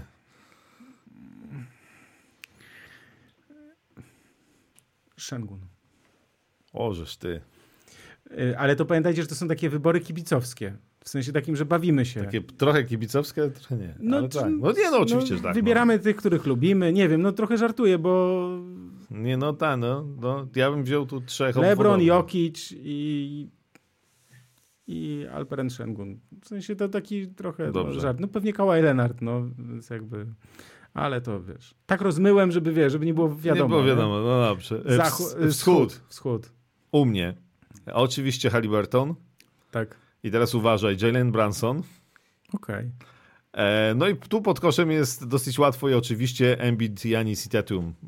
Tatum jest w tych e, jakby skrzydłowo podkoszowych, więc, więc Okej. Jason Tatum, Janis, Embiid, Halliburton i Branson. Okej. A u mnie jest, na obwodzie jest Halliburton oraz Tyrese Maxi. I teraz uważaj. Jesteś gotowy? No, Janis, no, Michael Bridges o Jezus Maria, no. i Franz Wagner. No, e, wiesz co, Franza Wagnera to się spodziewałem, ale Bridgesa to już niekoniecznie. E, No, może, dobrze, na, może jednak Bridgesa zamienił na Embida. No, Ty, dobra. Damian Lillard, pamiętam takie czasy, jak w Portland się tam denerwował, że e, gra niesamowicie, a do meczu gwiazd go nie wybierają. No to teraz go wybiorą. E, do, na drugim miejscu. Ja się pytam, ale za co? Za co? Wiesz co, no, są drugą najlepszą drużyną na w wschodzie, drugą najlepszą drużyną. Dobrze. Jakby... E, To tak, to myśmy sobie wybie- powybierali. E, Możecie też pisać w komentarzach wasze mm, Tak, znaczy, piątki. czy- się- Wybierajcie generalnie. Tak, bo już to pytanie, ale czy wybieramy według sympatii, czy że dobrze grają? Wybieramy tak, jak chcemy. To znaczy, albo się spinamy i jesteśmy tacy... Słuchajcie, NBA tutaj jak wybieracie, to też wam podsuwa jakby e, w pierwszej, macie zdjęcia w pierwszej kolejności, jakieś nieprzypadkowo one się pojawiają. Tak. Zaczyna już od tych najlepszych, więc generalnie jak ktoś chce, to może szukać dalej. Wiadomo, że największe szanse mają ci No tak, no, no wiesz, no, no, no tak, jakby tak, najlepsi, tak, tak. no to tam, no ale to jest zabawa, no głosować też można tam bodajże co 24 godziny, więc y, Tak, są też takie dni, że tam potrójne głosy i tak dalej. Ja już to odpuściłem, w sensie takim nie ukrywam, że troszkę już jakby mi opadło A, tej... no to na zasadzie zabawy właśnie na ostatnie 5 minut y, ten. Ja pamiętam, to jarałem się e, 15 lat temu. kuźwa, 20 lat temu. no właśnie. No. Co, mega się jarałem, jak jakoś tak pamiętam, chociaż to chyba nie był pierwszy mecz gwiazd, ale w, na pewno jak był Grant, bo Grant Hill był, rookie, był pierwszoroczniakiem i on wygrał e, i on miał naj, największą liczbę głosów w historii, lepszą od Jordana, jak w 94 roku, nie? To, no to takie były czasy, że się jarałem, w, w nocy się wstawało na mecz gwiazd, wow, nie? Tam ten DSF pokazywał w przerwie te konkurs trójek i wsadów, skrót z dnia wcześniej. no tak, tak, tak. tak. Tak. Teraz się mniej jaramy, ale zawsze te, z meczu gwiazd najlepsze jest wybieranie, a później ten, wy, wybieranie składów. No, a, a Nie, bo to jest, a jaka to dyskusja, jak to kłótnie, człowieku. No, to w ogóle a- można się pozabijać, wiesz, jak tam się... no, jakiś... a później sam mecz to już o matko święta. Tak, no bo słuchajcie, jest tylko pięć miejsc. Ja zawsze mówię, dobrze, ale za kogo? Tak samo będzie, będzie pełny skład, będzie tam, wiesz, po, po tam tych dwunastka i, i potem będzie, no ale kto za kogo? Tam, że a brakuje tego, nie wreszcie. No dobrze, ale za kogo? I potem jest taka dyskusja, wiecie, no wybieramy tego, kogo lubimy. Yy, też warto zagłosować na Jeremiego Sochana przecież, żeby tutaj głos oddać na yy, naszego młodego yy, kolegę, więc jakby warto się tym bawić. Warto właśnie wybrać takiego też, tak jak ja sobie wybrałem Franca Wagnera na przykład, tak? W sensie, bo, bo go lubię, po prostu lubię patrzeć jak on gra, jest fajnym gościem, mam takie wrażenie. Więc to tyle. Słuchajcie, yy, kończymy, już Chociaż przedłużyliśmy. Jest Niemcem. Słuchaj, jest mistrzem świata. jest mistrzem świata. No właśnie. Yy, I teraz tak, odnośnie ogłoszenia jeszcze przypominam o promocji Nike. Na ProBaskecie jest informacja, to jest bardzo ważna kwestia oczywiście.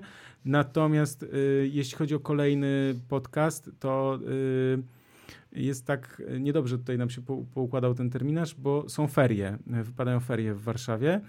I ja po prostu nie wiem, czy będę obecny w, we Warszawie, czy nie będę gdzieś daleko. E, Mam taką nadzieję. Wszystkich pozdrowię. Obserwujcie mojego Instagrama.